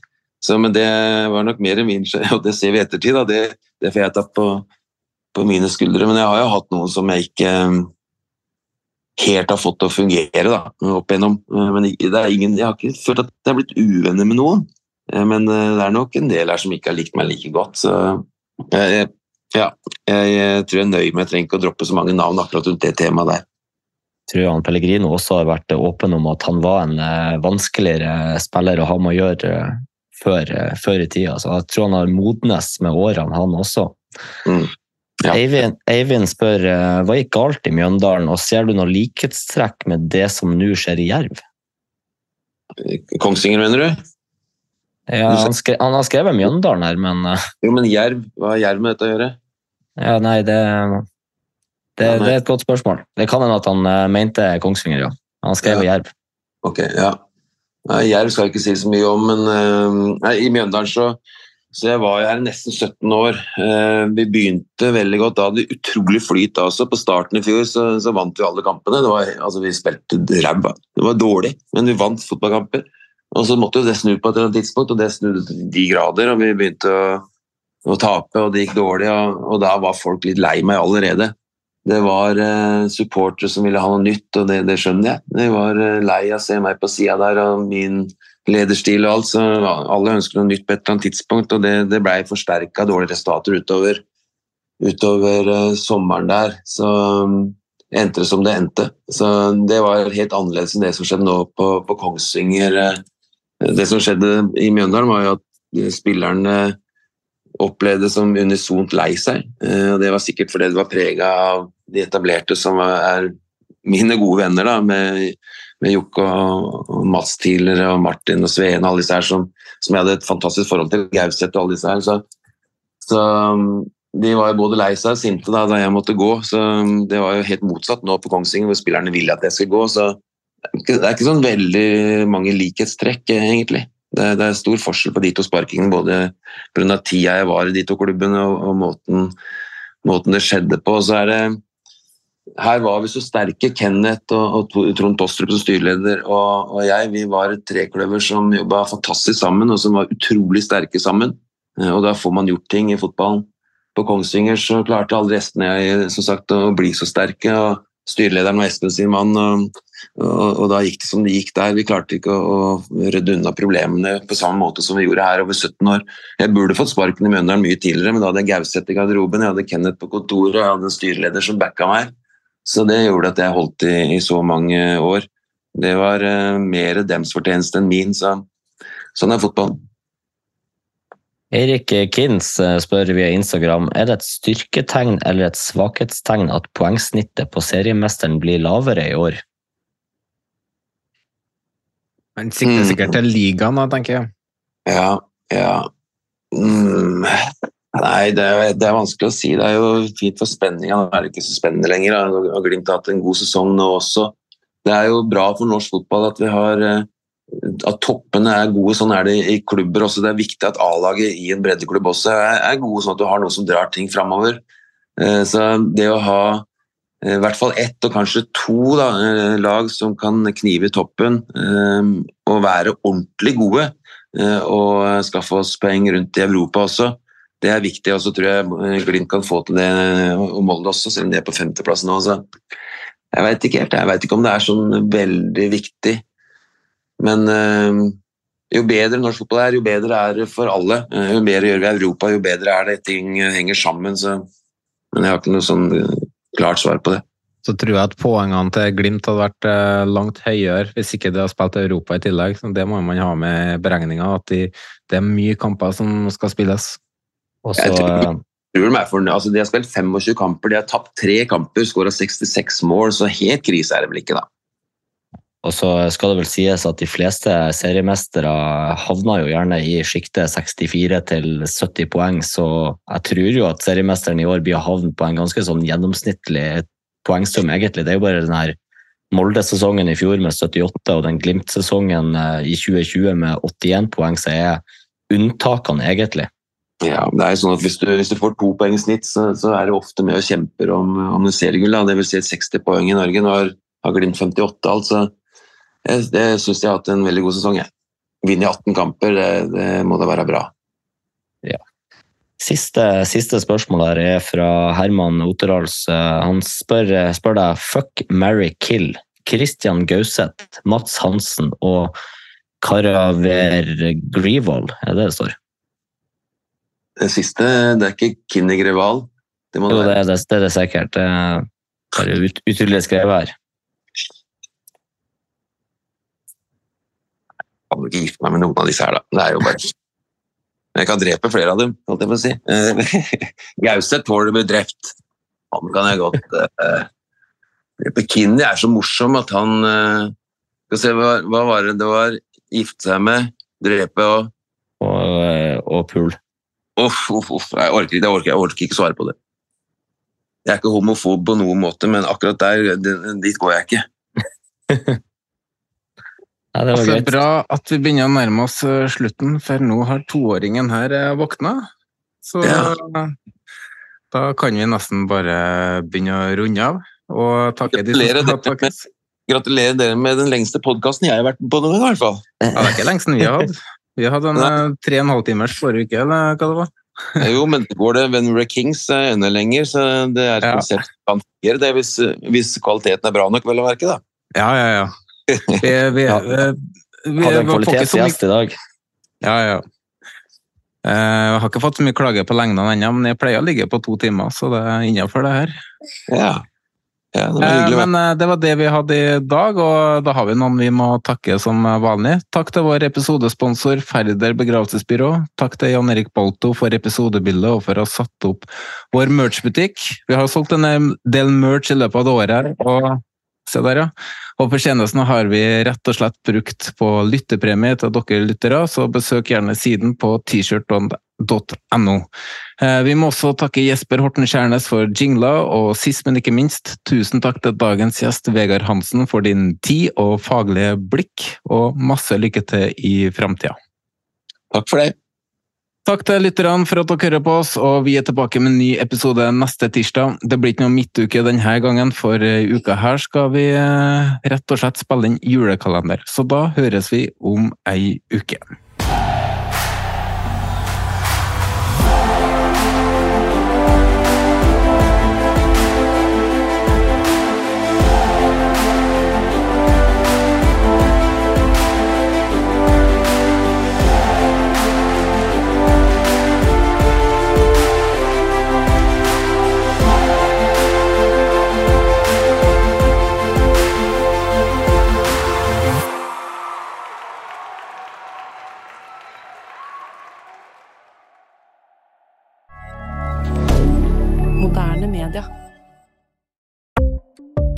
Ukens annonsør er HelloFresh. HelloFresh er verdens ledende matkasseleverandør og kan være redningen i en travel hverdag. Mange av oss har nok vandret i butikken både sultne og uten en plan for middagen, som ender med at vi går for de samme kjedelige rettene gang på gang. Middag burde være dagens høydepunkt. Som HelloFresh kan du nå velge mellom 25 ulike retter hver eneste uke, eller få HelloFresh til å sette sammen menyen for deg. Dette gir deg muligheten til å prøve nye og spennende retter alene eller sammen med familien. Du velger antall porsjoner og får alt levert på døren på et tidspunkt som passer for deg. Oppskriftene er enkle, og maten er lett å lage både for store og for små. Ved å få alt levert hjem får du også mer tid til å dele matgleden med familie og venner. Kanskje det frister med asiatiske tacos eller greskinspirert kylling? Da kan jeg anbefale deg om å gå inn på hellofresh.no. Her kan du bruke koden FOTBALL og få opptil 1779 kroner i rabatt på de første fem matkastene hvis du ikke har prøvd HelloFresh tidligere. Du kan også bruke rabatten hvis du har vært kunde og stoppet abonnementet ditt for tolv måneder siden eller lengre. Gå inn på hellofresh.no og bruk koden FOTBALL. Ukens annonsør er Folio, en smartere banktjeneste for deg som har en egen bedrift eller ønsker å starte for deg selv. Folio er en superenkel nettbank for bedrifter. Som kunde i Folio får du en bedriftskonto med et bedriftskort og app. I denne appen er det smarte løsninger som forenkler regnskapet ditt, uansett om du har en liten bedrift eller et enkeltpersonsforetak. Folio er både intuitivt og brukervennlig, og er laget med et enkelt språk. I tillegg tilbyr de forutsigbare priser og ingen skjulte gebyrer. Skulle du likevel trenge det, så kan du snakke med deres raske og hyggelige kundeservice, og der får du prate med en faktisk person og ikke en chatbot. Folio er med andre ord både enklere og koseligere enn banken. Over 10 000 bedrifter har allerede valgt Folio som sin banktjeneste, så besøk folio.no og se hvordan Folio kan forenkle din hverdag også. Har du et enkeltpersonforetak eller en liten bedrift? Da er du sikkert lei av å høre meg snakke om hvor enkelt det er med kvitteringer og bilag i fiken, så vi gir oss her, vi. Fordi vi liker enkelt. Fiken superenkelt regnskap.